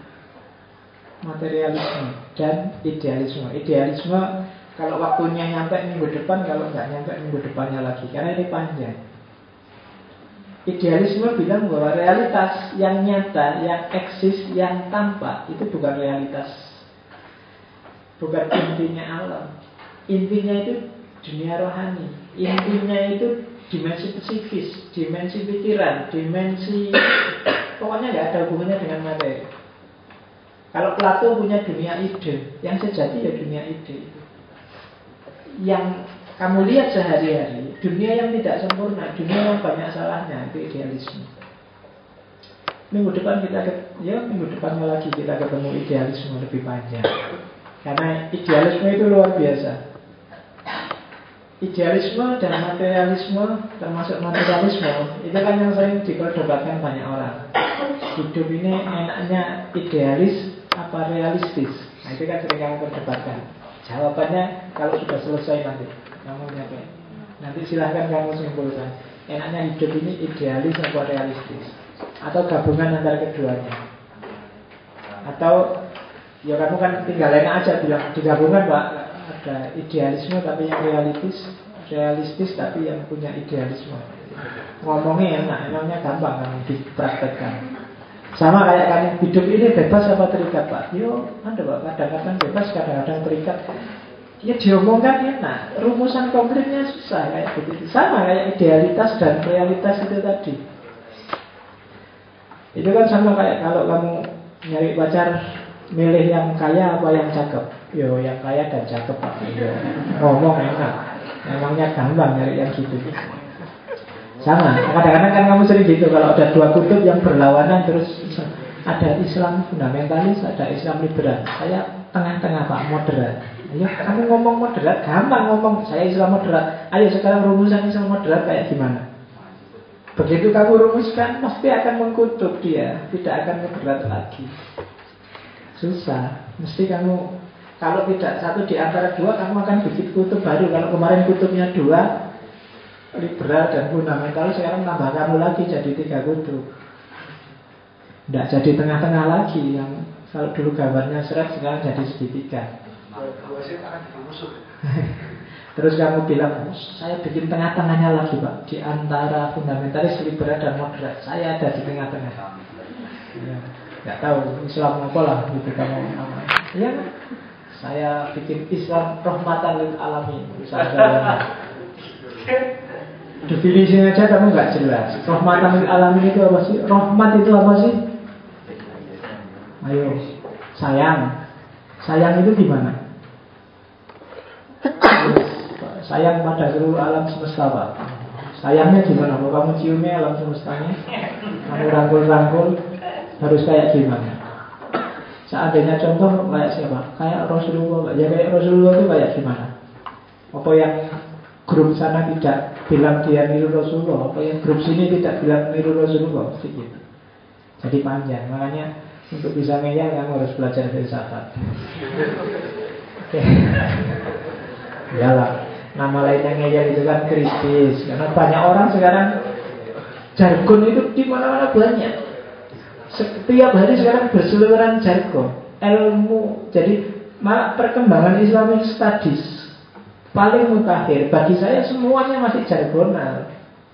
Jargonal itu masih jargon. Paling banter berhentinya di level metodologis. Tafsir itu harus membebaskan. Caranya tafsir yang membebaskan itu pertama kayak gini, step kedua kayak gini. Dan itu berpuluh-puluh tahun, mungkin mulai tahun 70-an sudah ngomong sampai kayak gitu. Sampai hari ini masih ngomong gitu. Dulu nggak praktek-praktek tafsir. Cuma diskusi tentang metodologi tafsir. Dan segera tafsir gitu loh kalau sudah ngerti metode yang bagus itu tafsirkanlah sudah. Tapi tidak kan. Diskusi metodologinya panjang. Sifatnya jargonal hari ini kita harus integrasi interkoneksi. Ya harus percaya. Sampai integrasi. Sudah selesai diskusinya. Kita semua sudah yakin dan percaya. Ayo praktek kayak gimana sih ilmu yang integrasi interkoneksi itu? Kan gitu. Eh, jangan dibawa ke kampus aku ini oke jadi idealisme. Saya nggak panjang lebar. Insya Allah kita ketemu. Dualisme Nanti kalau waktunya nggak nyampe tak loncat di dualisme karena tokohnya antara lain yang punya tokoh dualisme itu Rene Descartes. Jadi dualisme itu kayak tadi daripada capek-capek materialisme kok kelihatannya masuk akal, idealisme juga masuk akal. Kalau gitu dua aja deh, dua apa? Materi dan ideal sama-sama penting. Ada jasad, ada roh, ada lahir, ada batin. Realitas selalu dua. Kalau mau diperas jadi satu nggak mungkin. Ada siang, ada malam. Ada hitam, ada putih. Ada cowok, ada cewek. Ada rakyat, ada pemerintah. Ada seterusnya. Dualistik. Alam semesta selalu berpasangan. Kalau kita mau tunggal, pontang panting. Makanya secara apa ya? Saya pernah dekat dengan teman. Zaman saya ke Iran saya punya kenalan orang Zoroaster. Iya, Zoroaster. Kan di sana asli asalnya agama Zoroaster. Tuhannya kan dua. Jadi dualitas. Ahura Mazda sama Arima, Tuhan baik dan Tuhan jelek dia lebih mudah menjelaskan fenomena yang serba berpasangan dibandingkan kita yang Tuhannya cuma satu. Kita kan sering bingung, ini Tuhan katanya maha penyayang, tapi kok bisa ada tsunami sadis begitu ya? Masa Tuhan kok tega-teganya? Nah, misalnya kan kan gitu. Kalau dia gampang, benda yang baik-baik Tuhan baik. Kalau ada yang jelek-jelek kayak gitu, itu tugasnya Tuhan jelek. Iya, di surat itu lebih simpel. Kalau kita bingung, loh kalau kita kan bikin-bikin, ada hikmahnya yang jahat-jahat itu. Jadi kalau karena kamu mereka-reka biar caranya biar Allah. Tapi kalau orang sudah bersifat ada baik, ada jelek. Meskipun nanti di akhir zaman Tuhan jelek ini akan tunduk di bawah Tuhan baik. Dia pasti caranya gitu. Jadi kalau ngobrol dia tidak enaknya Tuhan yang monoteis kan gitu. Dia harus ngurusi segala sesuatu. Yang paling kotor sekalipun harus disebut ciptaan Tuhan.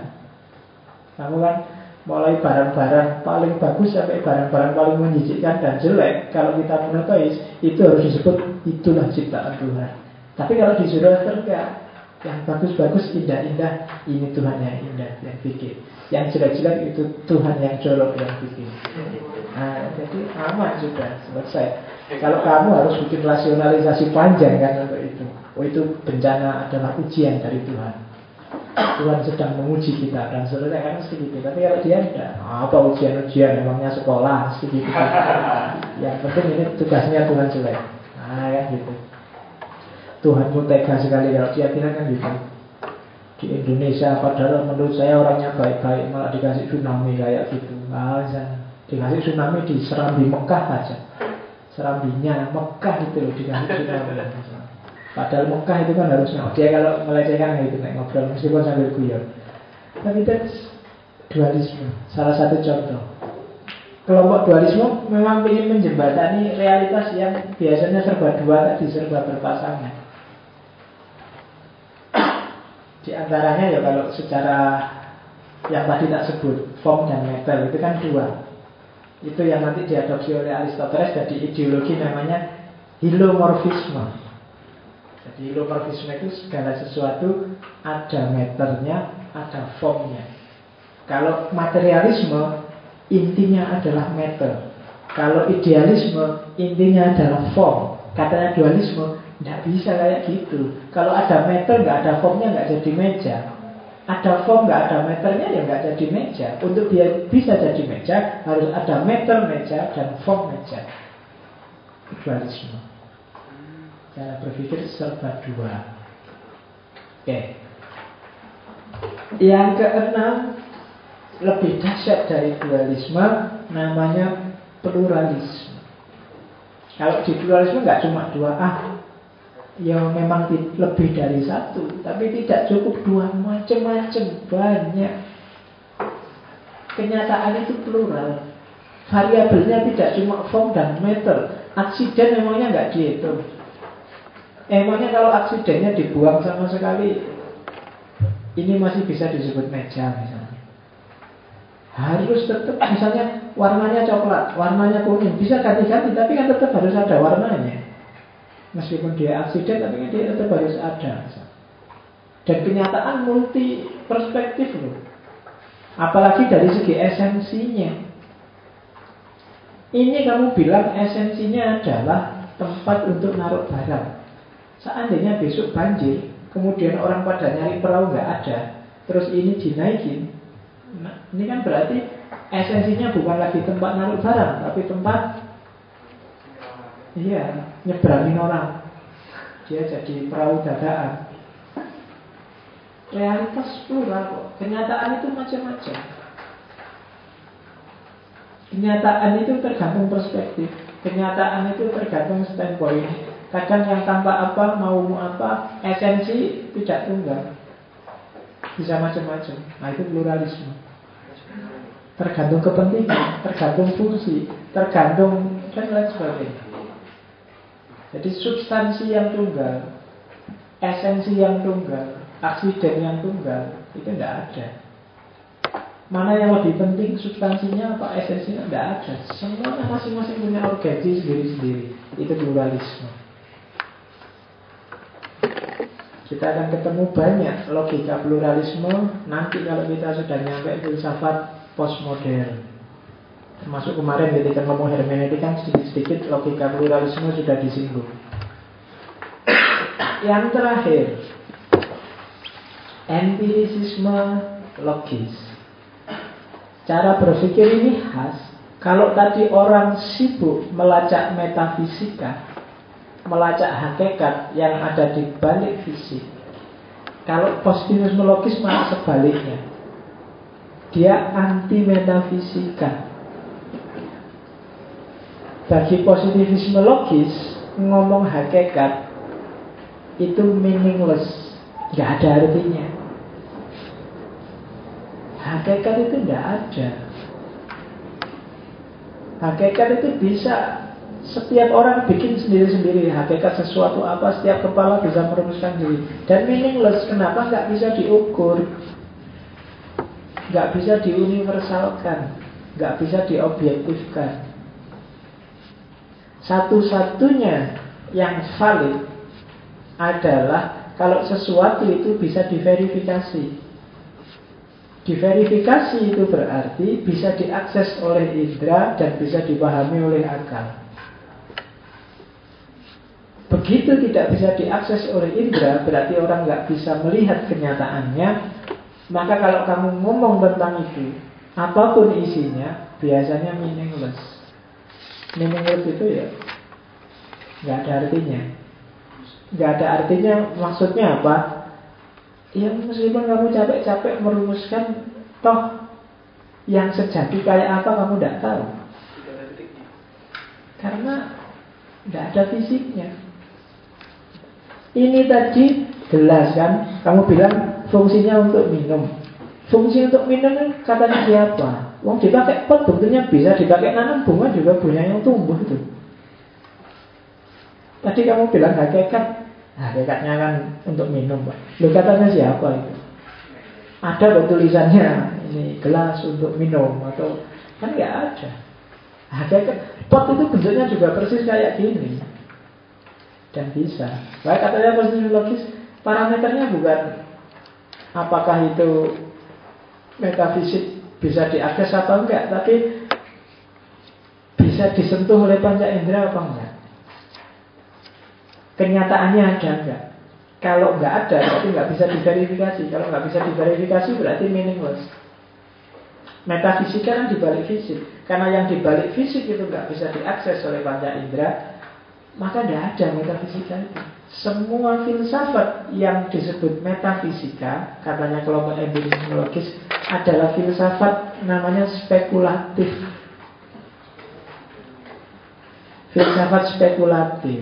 Kenapa disebut spekulatif? Karena isinya sebenarnya adalah spekulasi-spekulasi Kira-kira Tadi Talus bilang Intinya alam adalah air Ada yang bilang angin, udara Itu cuma kira-kira Cuma Mungkin gitu dulunya Kan gitu Nah kalau cuma mungkin ya jangan bilang Berarti meaningless Kamu tidak punya bukti nyata Tidak punya bukti konkret itu katanya empirisisme logis. Jadi sesuatu harus empiris dan masuk akal. Kalau tidak empiris, tidak nyata berarti. Dan yang tidak nyata ya berarti ya tidak valid dia, tidak dapat diverifikasi. Kalau kamu bilang alam intinya dari air, tunjukkan aspek empirisnya. Kalau tidak bisa ya berarti itu meaningless, omong kosong. Kamu bilang I love you tiap hari Tapi SMS nggak pernah, jemput nggak pernah Kalau ke warung disuruh bayarin nggak mau yo. Itu namanya meaningless. Jadi ungkapan cintamu nggak ada artinya Apa gunanya punya pacar Kalau iya, disuruh nganter nggak mau Disuruh neraktir nggak mau Kalau SMS perhitungan Ya kan? Nah, meaningless berarti. Suruh SMS nunggu besok kalau ada gratisan baru kamu ke SMS. Nah, itu berarti meaningless. Untuk tidak meaningless harus dapat diverifikasi. Verifikasi berarti apa? Bisa diakses secara empiris. Kamu bilang I love you, buktinya apa? Oh benar kamu tiap hari nge-SMS aku. Oh benar kalau tiap pagi kalau aku kuliah kamu mau nganter. Oh kalau makan kamu mau bayarin Berarti sah sudah Ada buktinya berarti nggak minim Nah kan gitu caranya Oke okay. Empirisisme logis Ini bahasa Inggris ya. Kamu Inggrisnya ada beberapa di kampus. Ah, maka filsafat ontologi sampai hari ini sebenarnya masih menyisakan pertanyaan terus apa sih yang sejati itu? Apa sih hakikat alam semesta itu? Apa sih hakikat realitas itu itu di antara problem-problem perennial problem yang kedua adalah apa yang bisa membedakan realitas mimpi realitas baik buruk atau apa bedanya penampakan yang sejati dengan penampakan yang palsu itu sering masih susah dibikin parameter. Problem-problem ini kalau dalam dunia filsafat sering disebut perennial, problem abadi. Memang kalau kamu cari jawaban tuntasnya, nah terus yang benar itu dualisme, pluralisme, materialisme, apa idealisme, apa, apa empirisme logis. Atau sebenarnya ada satu lagi tidak saya sebut di situ, intuisionisme. Pakai intuisi kayak kajian tasawuf.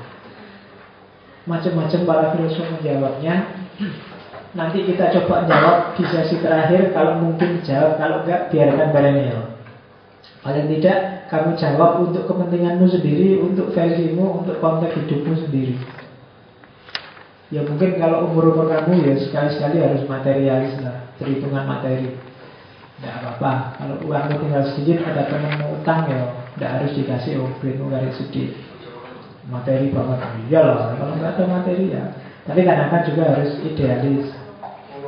Kadang-kadang juga harus dualistik bijaksana melihat kutub kutub dalam hidup kadang-kadang juga pluralis pertimbangkan macam-macam persepsi kadang-kadang juga harus empirisisme logis melihat sesuatu tidak cuma spekulasi-spekulasi metafisiknya tapi dilihat aspek konkretnya.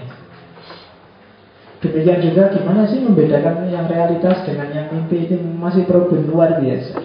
Mimpi itu nyata apa enggak? Ya, kamu bilang pasti tidak nyata Karena sekarang kamu sedang tidak mimpi Tapi ketika kamu mimpi Kamu tidak sadar kalau itu enggak nyata ya Pas kamu mimpi itu kamu enggak tahu loh kalau itu tidak nyata Menarik coba kamu baca kitabnya Ghazali Siapa berani taruhan bahwa hidup kita hari ini, sekarang, itu bukan mimpi? Tidak ada orang berani menjamin itu. Siapa tahu tiba-tiba entah kapan besok kita bangun, hm, ternyata memang cuma mimpi. Iya. kalau kamu mimpi benar kan juga gitu. Kamu nggak pernah merasa oh ini mimpi. Makanya kalau ngerti mimpi tuh nggak kan gitu. Tapi tidak kan? Ketika kamu mimpi kamu nggak sadar bahwa kamu mimpi. Maka pertanyaannya Ghazali kan siapa berani menjamin bahwa hidupmu saat ini itu bukan mimpi? Mungkin di titik tertentu kamu akan terbangun oh mimpi dulu meskipun beberapa sufi bilang iya memang ini mimpi. Kalau kita sudah mati kita bangun katanya gitu. Tapi jangan-jangan mungkin bukan itu karena kita pikiran kita susah sekali membedakan dunia mimpi dengan dunia nyata. Dan itu problem perennial juga. Nanti kalau cabang filsafat yang khusus ngomong tentang ini namanya philosophy of mind. Jadi filsafat tentang mind saya ada buku bagus bentuknya novel sayangnya dalam bahasa Inggris. Iya. Tapi nggak terlalu tebel. Ya mungkin besok kalau ada sesi-sesi Ramadan apa-apa kita ngaji aja kayak di pesantren kitab itu. Beliau emangnya ngaji cuma kitab bahasa Arab? Sekali-sekali ngaji kitab bahasa Inggris Jadi gitu loh sekalian Kan kamu sudah terlanjur aneh kan Di sana nih besok? Kita ngaji kitab bahasa Inggris. Judulnya bagus. In Search of Myself. Tokoh utamanya agak rumit Karena tokoh utama ini Dia bermimpi jadi dekat. Cuma Di mimpi itu Dia bermimpi bahwa dekat sedang bermimpi Dekat sedang bermimpi jadi dirinya bolak-balik dan luar biasa itu ada filsafat diri di situ kamu ketemu Ibnu Rus di situ kamu ketemu Farabi banyak termasuk beberapa filosof Barat yang ngomong tentang siapa aku sebenarnya in search of myself jangan-jangan siapa kamu itu tidak tergantung apa-apa, tergantung memori sebenarnya. Bisa jadi ada filosof yang bilang segitu. Ada yang bilang bukan tergantung memori, tapi tergantung penampakan, reality. Ada yang bilang bukan tergantung itu, tapi tergantung persepsi orang tentang kamu dan seterusnya. Ya kan? Ya tergantung memori itu seandainya sekarang tak balik memori yang ada di kepalaku tak kasihkan dalam dirimu full dek terus memorimu juga tak kasih aku besok pagi aku bangun dengan memorimu dan kamu bangun dengan memoriku kira-kira kamu masih kenal aku apa enggak? Atau reaksimu kira-kira seperti apa? Dulu kok aku jadi cakep mungkin gitu kan? Aku kok jadi gini mungkin jadi gitu. Tapi apakah itu? Jadi jadi kamu itu fisiknya atau pikirannya? Atau seandainya pikir kamu merasa bahwa tidak kayak di novel itu bahwa akulah dekat. Pokoknya kamu yakin bahwa kamu dekat. Terus gimana ya kelanjutannya? Oh itu kan menarik. Ghazali luar biasa bahas itu. Di, di novel itu dibahas kira-kira setengah bab tentang Ghazali. Kalau Ibn Rus banyak dibahas. Karena Ibn Rus juga bahas itu. Nah, lumayan. Ya, yes, kalau ada waktu kita. Kalau ada yang mau ngopi silahkan. Saya mengerti satu dua ada yang pintar bahasa Inggris. Yang nulis filosofnya namanya Daniel Kola. Ya, keturunan orang Jawa.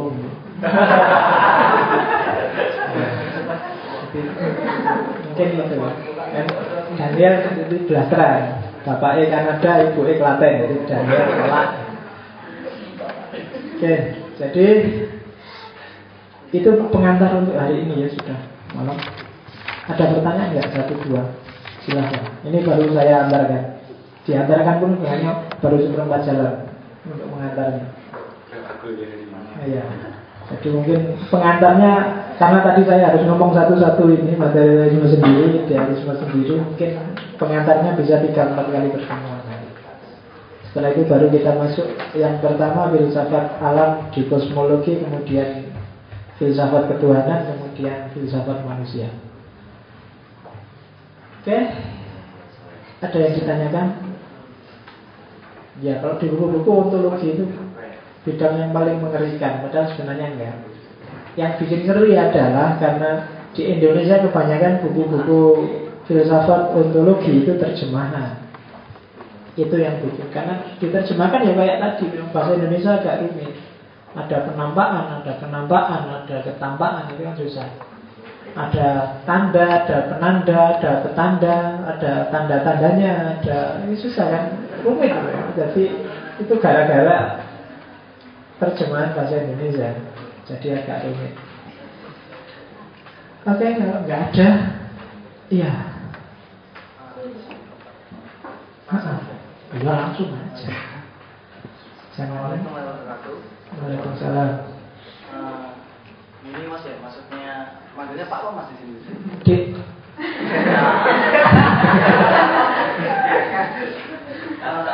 yang bikin saya bingung ya dari asal sejarah. Maksudnya saya tertarik pada di situ dunia ide. Dan saya punya keyakinan di situ dari dunia ide yang menjadikan persepsi itu ada. Dan dari perkembangan history of philosophy atau sejarah para tokoh-tokoh besar filsafat filsafat, di situ ada tingkatan pemahaman ide.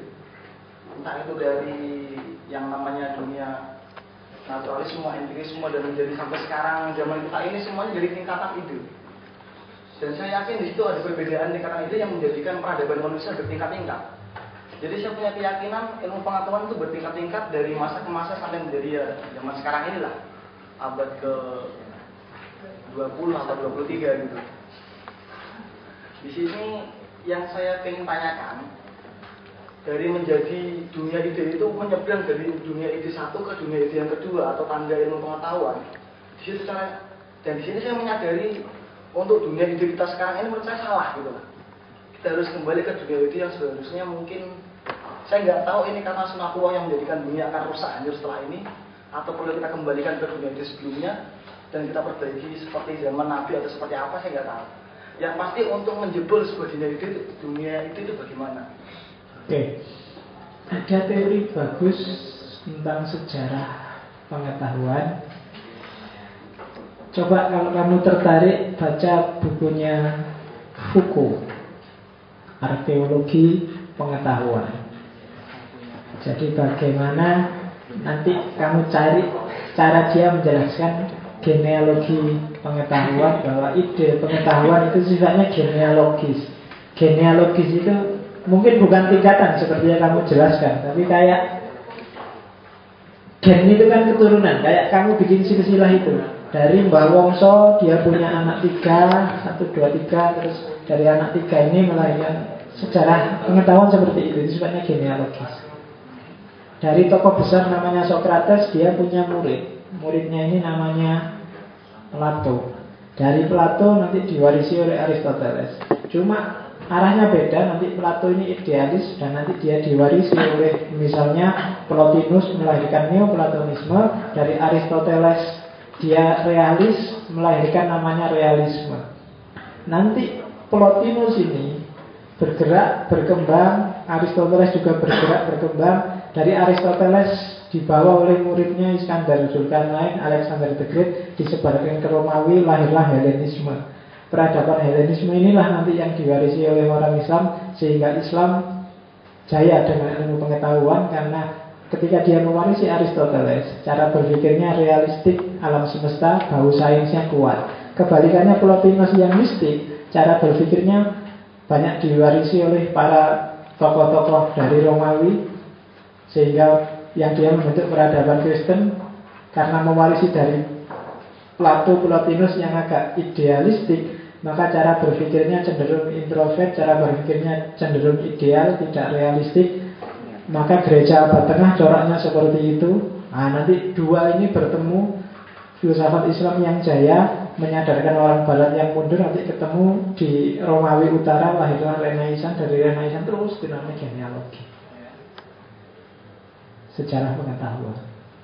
Silahkan dibaca sendiri. Kalau ada waktu mungkin satu dua sesi yang akan datang kita ngomong Foucault sejarah pengetahuan yang benar mana, yang salah mana Susah dinilai karena setiap orang bereaksi, berpikir, menganalisis sesuai konteks zamannya sendiri-sendiri.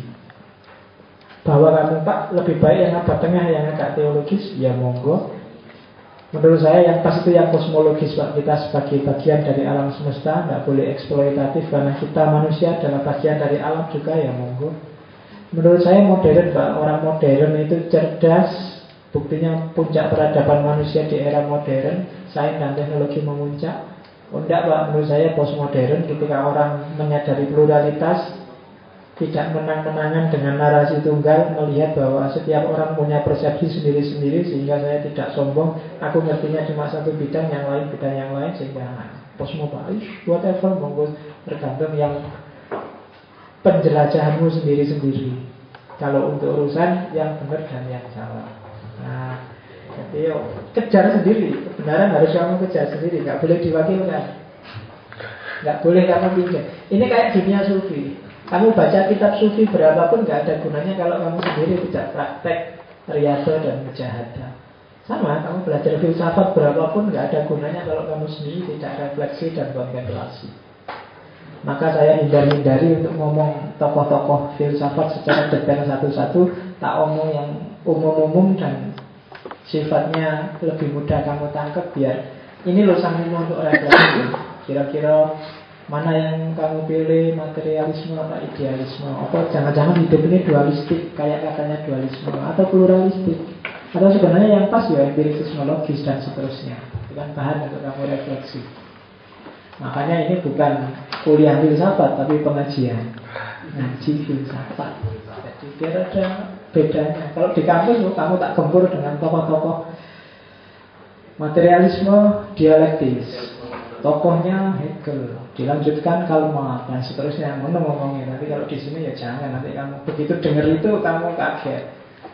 Jangan-jangan alergi. Atau nggak cuma alergi terus kamu gaya. Kamu ngomong di luar gak karu-karuan. Kita harus bikin kalmatisasi. Ya, jadi Hindari istilah-istilah. Ayo kita praktek refleksi dan kontemplasi. Itu Tujuannya ngaji kan gitu. Kalau ngaji kan untuk hal-hal yang praktis, bukan untuk yang teoritis yang terlalu mendalam. Tapi basisnya untuk praktis tetap harus yang teoritis. Oke, ada lagi. Satu lagi kalau ada. Ha -ha.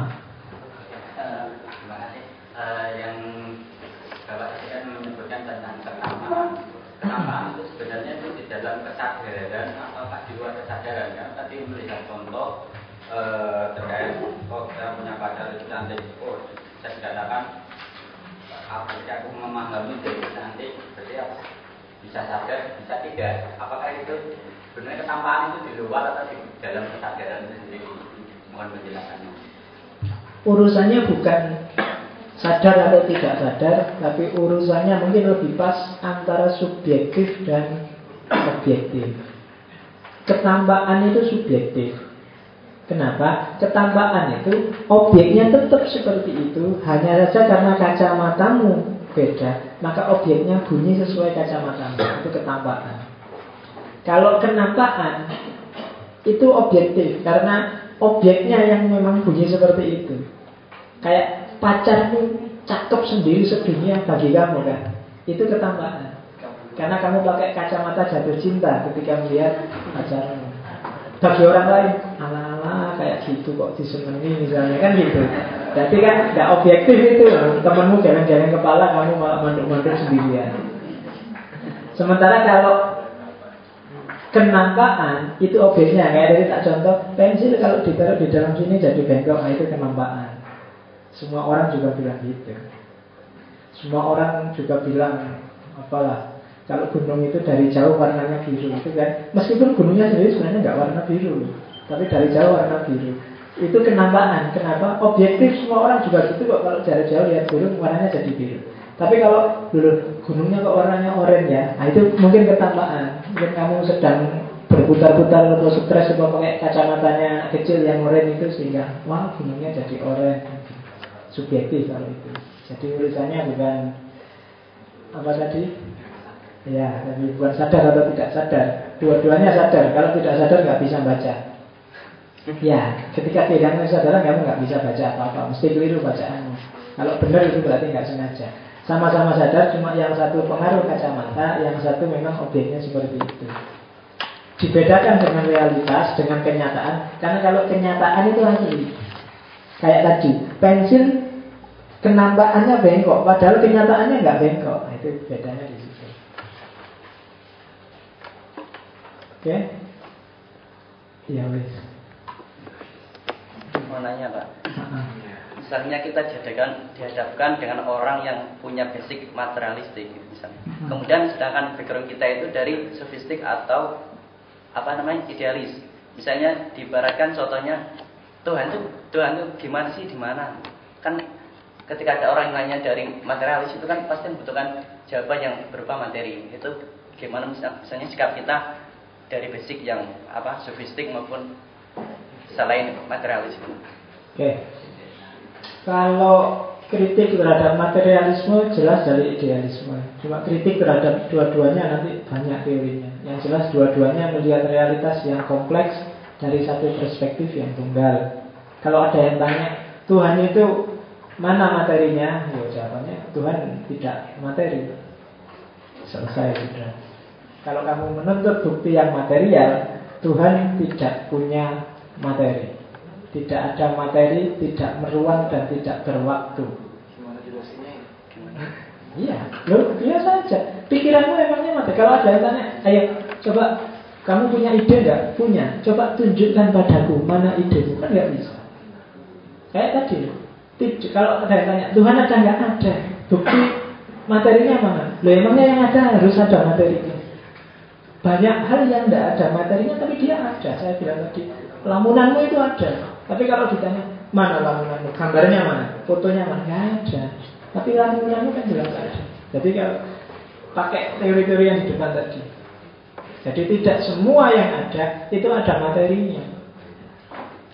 Tapi Tuhan ada jelas, tapi kalau real mungkin tidak. Kalau real dalam arti konkret dan eksisten pasti enggak. Kalau dalam arti meruang dan mewaktu, tapi dia ada. Nah, gitu. Paling bahkan bagi di orang yang bertanya itu kan Tuhan ada. Meskipun Tuhannya dia bertanyakan. Ada sebagai ide di kepalanya tentang Tuhan. Cara jawab itu rodo ngeyel-ngeyel sedikit. Kalau orangnya masih ngeyel ya jangan dilatih langsung waras ngalah. Kayak seperti itu bikin pening. Ada memang Enggak, ya kamu tinggal lihat profil orang yang tanya. Ada orang tanya itu ngetes, ada yang ingin tahu yang kebenarannya mana, ada yang cuma sekedar ingin menjatuhkan kita, ada yang jadi analisis kalau memang urusannya dalam rangka tukar pikiran ya dilanjutin, tapi kalau dalam rangka menang-menangan ya, oh ya semua orang salah lah ya, tidak apa-apa. Oke ya, sudah jam 10 kurang dikit. Indonesia kan enggak? Enggak saya biasa boleh ya. Oke, okay. insya Allah ketemu lagi minggu depan. Saya Hedi sekian. Assalamualaikum warahmatullahi wabarakatuh.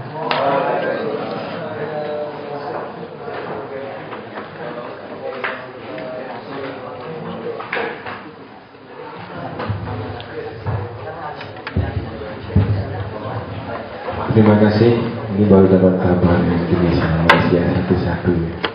Uh, semoga mengajian pada malam hari ini dengan pengorbanan teman-teman nggak nonton uh, Indonesia Malaysia membawa manfaat yang sebanding dari ya.